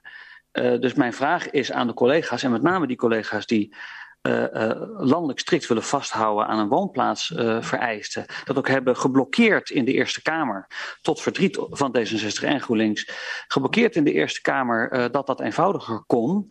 En die nu uh, hier ter plekke wel heel eenvoudig denken, nou, we nemen dit besluit uh, gewoon. Dat, dat, dat, dat is voor mij tegenstrijdig. Dat heb ik geprobeerd aan te kaarten.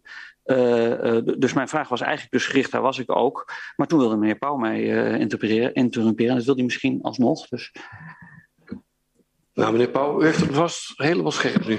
Ja, voorzitter, ik word hier toch wel een beetje ziek van.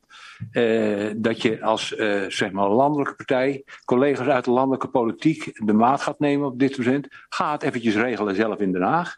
Uh, je, moet, je moet nu je mond houden daarover. Het is helemaal niet nodig om hier verder over door te gaan.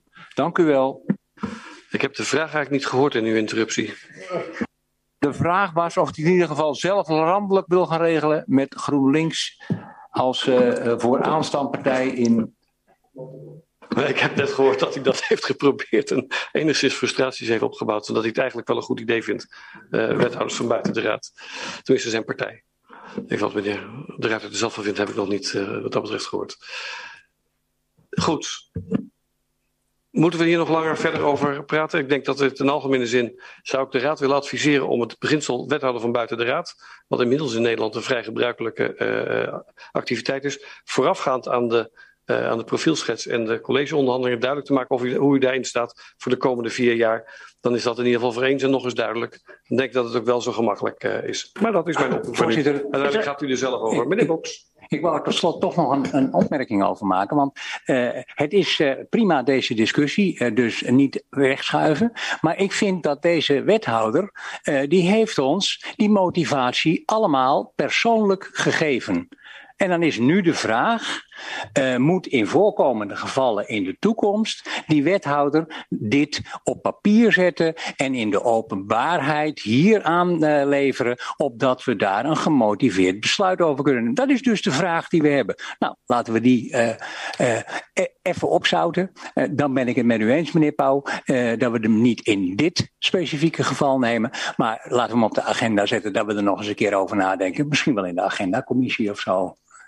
Dank u wel. Ik kijk, daar, ik kijk uit naar goed gevulde agenda's van de agendacommissie. Mevrouw Scholten wilde er ook nog iets over zeggen. Ja, ik, ik, ik zou willen aansluiten met uh, allereerste punt. 2002 hecht heel veel waarde aan die woont en werkt in de plaats waar ze wethouder is. Maar ik wil hier een nuance. Een wethouder die een moeder is, een gezinslid en een prima wethouder, die hier supergoed functioneert, de bal in de lucht houdt en probeert haar gezin ook goed te laten draaien. Wat in het belang van ons. Niet of het nou bijzonder of niet bijzonder is. Ik vind het bijzonder dat deze prestatie geleverd wordt. Laten we wat milder naar elkaar zijn dan de formaliteiten. Dank.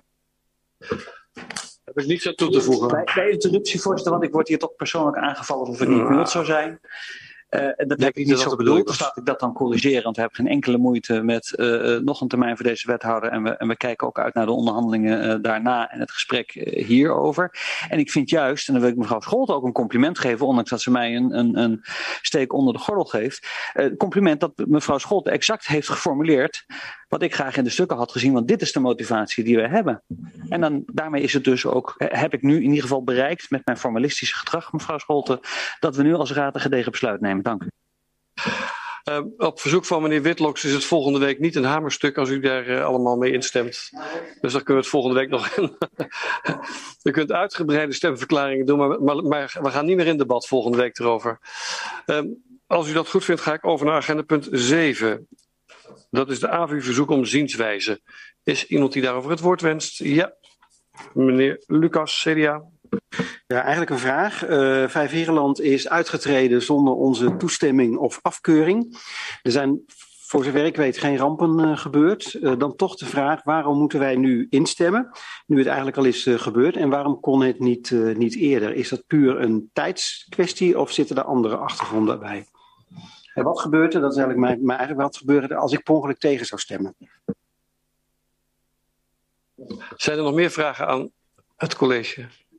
Niet? Ja, ook oh, sorry, meneer Boks. Ja, uh, voorzitter, wat, wat uh, heeft de wethouder geleerd van de motivatie van Vijf Herenlanden om uh, niet voor de AVU te kiezen? Nou, die vraag die begrijp ik in ieder geval niet, maar kijk of de wethouder dat wel begrijpt. Mevrouw Koenitsch, u heeft het woord. Nou ja, ik geef er uh, eigen interpretatie aan, uh, voorzitter. Uh, nou, ik heb er niet zo heel veel van geleerd om daarmee te beginnen, omdat um, Vijf Herenlanden is een gemeente die samengevoegd is en Vianen is eigenlijk het kleinste deel daarvan. En in feite treedt Vianen nu uit, zodat hij met andere gemeenten hetzelfde kan doen. Um, dus dat zijn zeer praktische redenen. Um, en uh, volgens mij heeft dat geen gevolgen uh, voor ons. Heeft ook niet echt grote gevolgen voor AVU. er is een verdeelsleutel. niemand wordt er beter of slechter van. het is alleen handiger voor Vianen om het zo te doen. En als u tegenstemt, ja, het is een uh, uh, gemeenschappelijke regeling die alle gemeenten in provincie Utrecht zijn aangegaan. Uh, aan het eind van dit traject met alle raden, dan gaan we kijken hoe de raden hebben gestemd en wat we daarmee doen. Dank u wel. Zo werkt democratie. Ook in de ja, we krijgen ze er niet mee terug, begrijp ik. Ja. Nou hebben ze in de veilig, veiligheidsregio binnengehaald, dus je geeft wat, je neemt wat, zal ik maar zeggen. Ik ben blij met zelfs deelnemer in de veiligheidsregio. Voldoende beantwoord, meneer Lucas, ja. Anderen nog? Wilt u er samen nog over spreken? Niet? Oh, sorry, neem me niet kwalijk. Ik zie nee, u helemaal over Sorry, voorzitter, u keek net even naar beneden. Ja, ik ben zo gewend om in de cirkel te kijken. Ja, iedereen wil misschien graag naar huis, maar ik heb toch een uh, discussiepuntje. Um, we zien uh, herschikking van de begroting als gevolg uh, bij de AVU, als gevolg van onverwachte ontwikkelingen van prijzen van grondstoffen. Met name het papier brengt minder op. Uh, je kunt je dan afvragen, zou het een idee zijn als de AVU een soort buffer zou vormen om dit soort fluctuaties glad te strijken, wat het voordeel zou hebben dat men Meneer de Ruiter, of, sorry. Hoe kan ik nou? Ik heb zoveel door meneer de Ruiter gezegd vanavond. Uh, dit, uw inbreng lijkt niet te gaan over het agendapunt. Formuleer ik vriendelijk. Ik dacht te begrijpen dat we nu uh, een discussiepunt aan konden snijden. Zoals tegenwoordig gebruikelijk. Nee, we waren nog met. Ja, als u discussie moet, eerst een discussiepunt nee, aangeven. U, omdat u zei, wil, wil u er verder nog over praten? Toen dacht ik dan, van. ik, oh, nee, ik weet dan, niet dat dan, discussiepunt u wil aansnijden. Want u gaat nu over.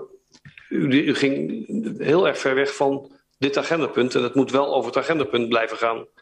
Nou, uh, in het uh, punt wordt ook uh, gesproken over de herschikking van de begroting. En daar gaat dit over. Als gevolg van het uittreden van de. Nee, maar in de stukken wordt ook gesproken over de herschikking van de begroting van de AVU. Als gevolg van de daling van grondstofprijzen.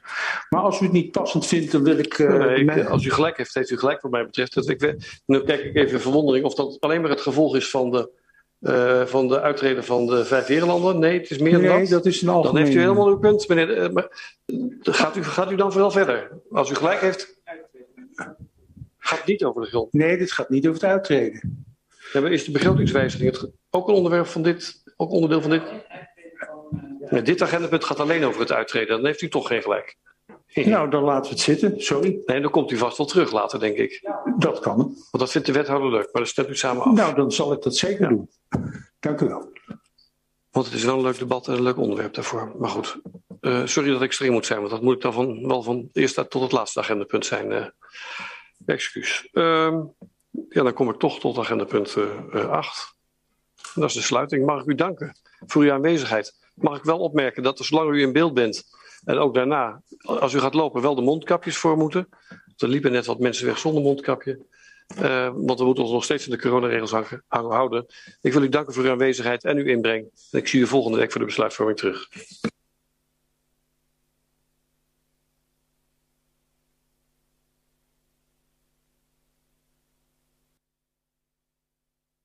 Van de speelplekken in, uh, in deze buurt. Uh, nou, deze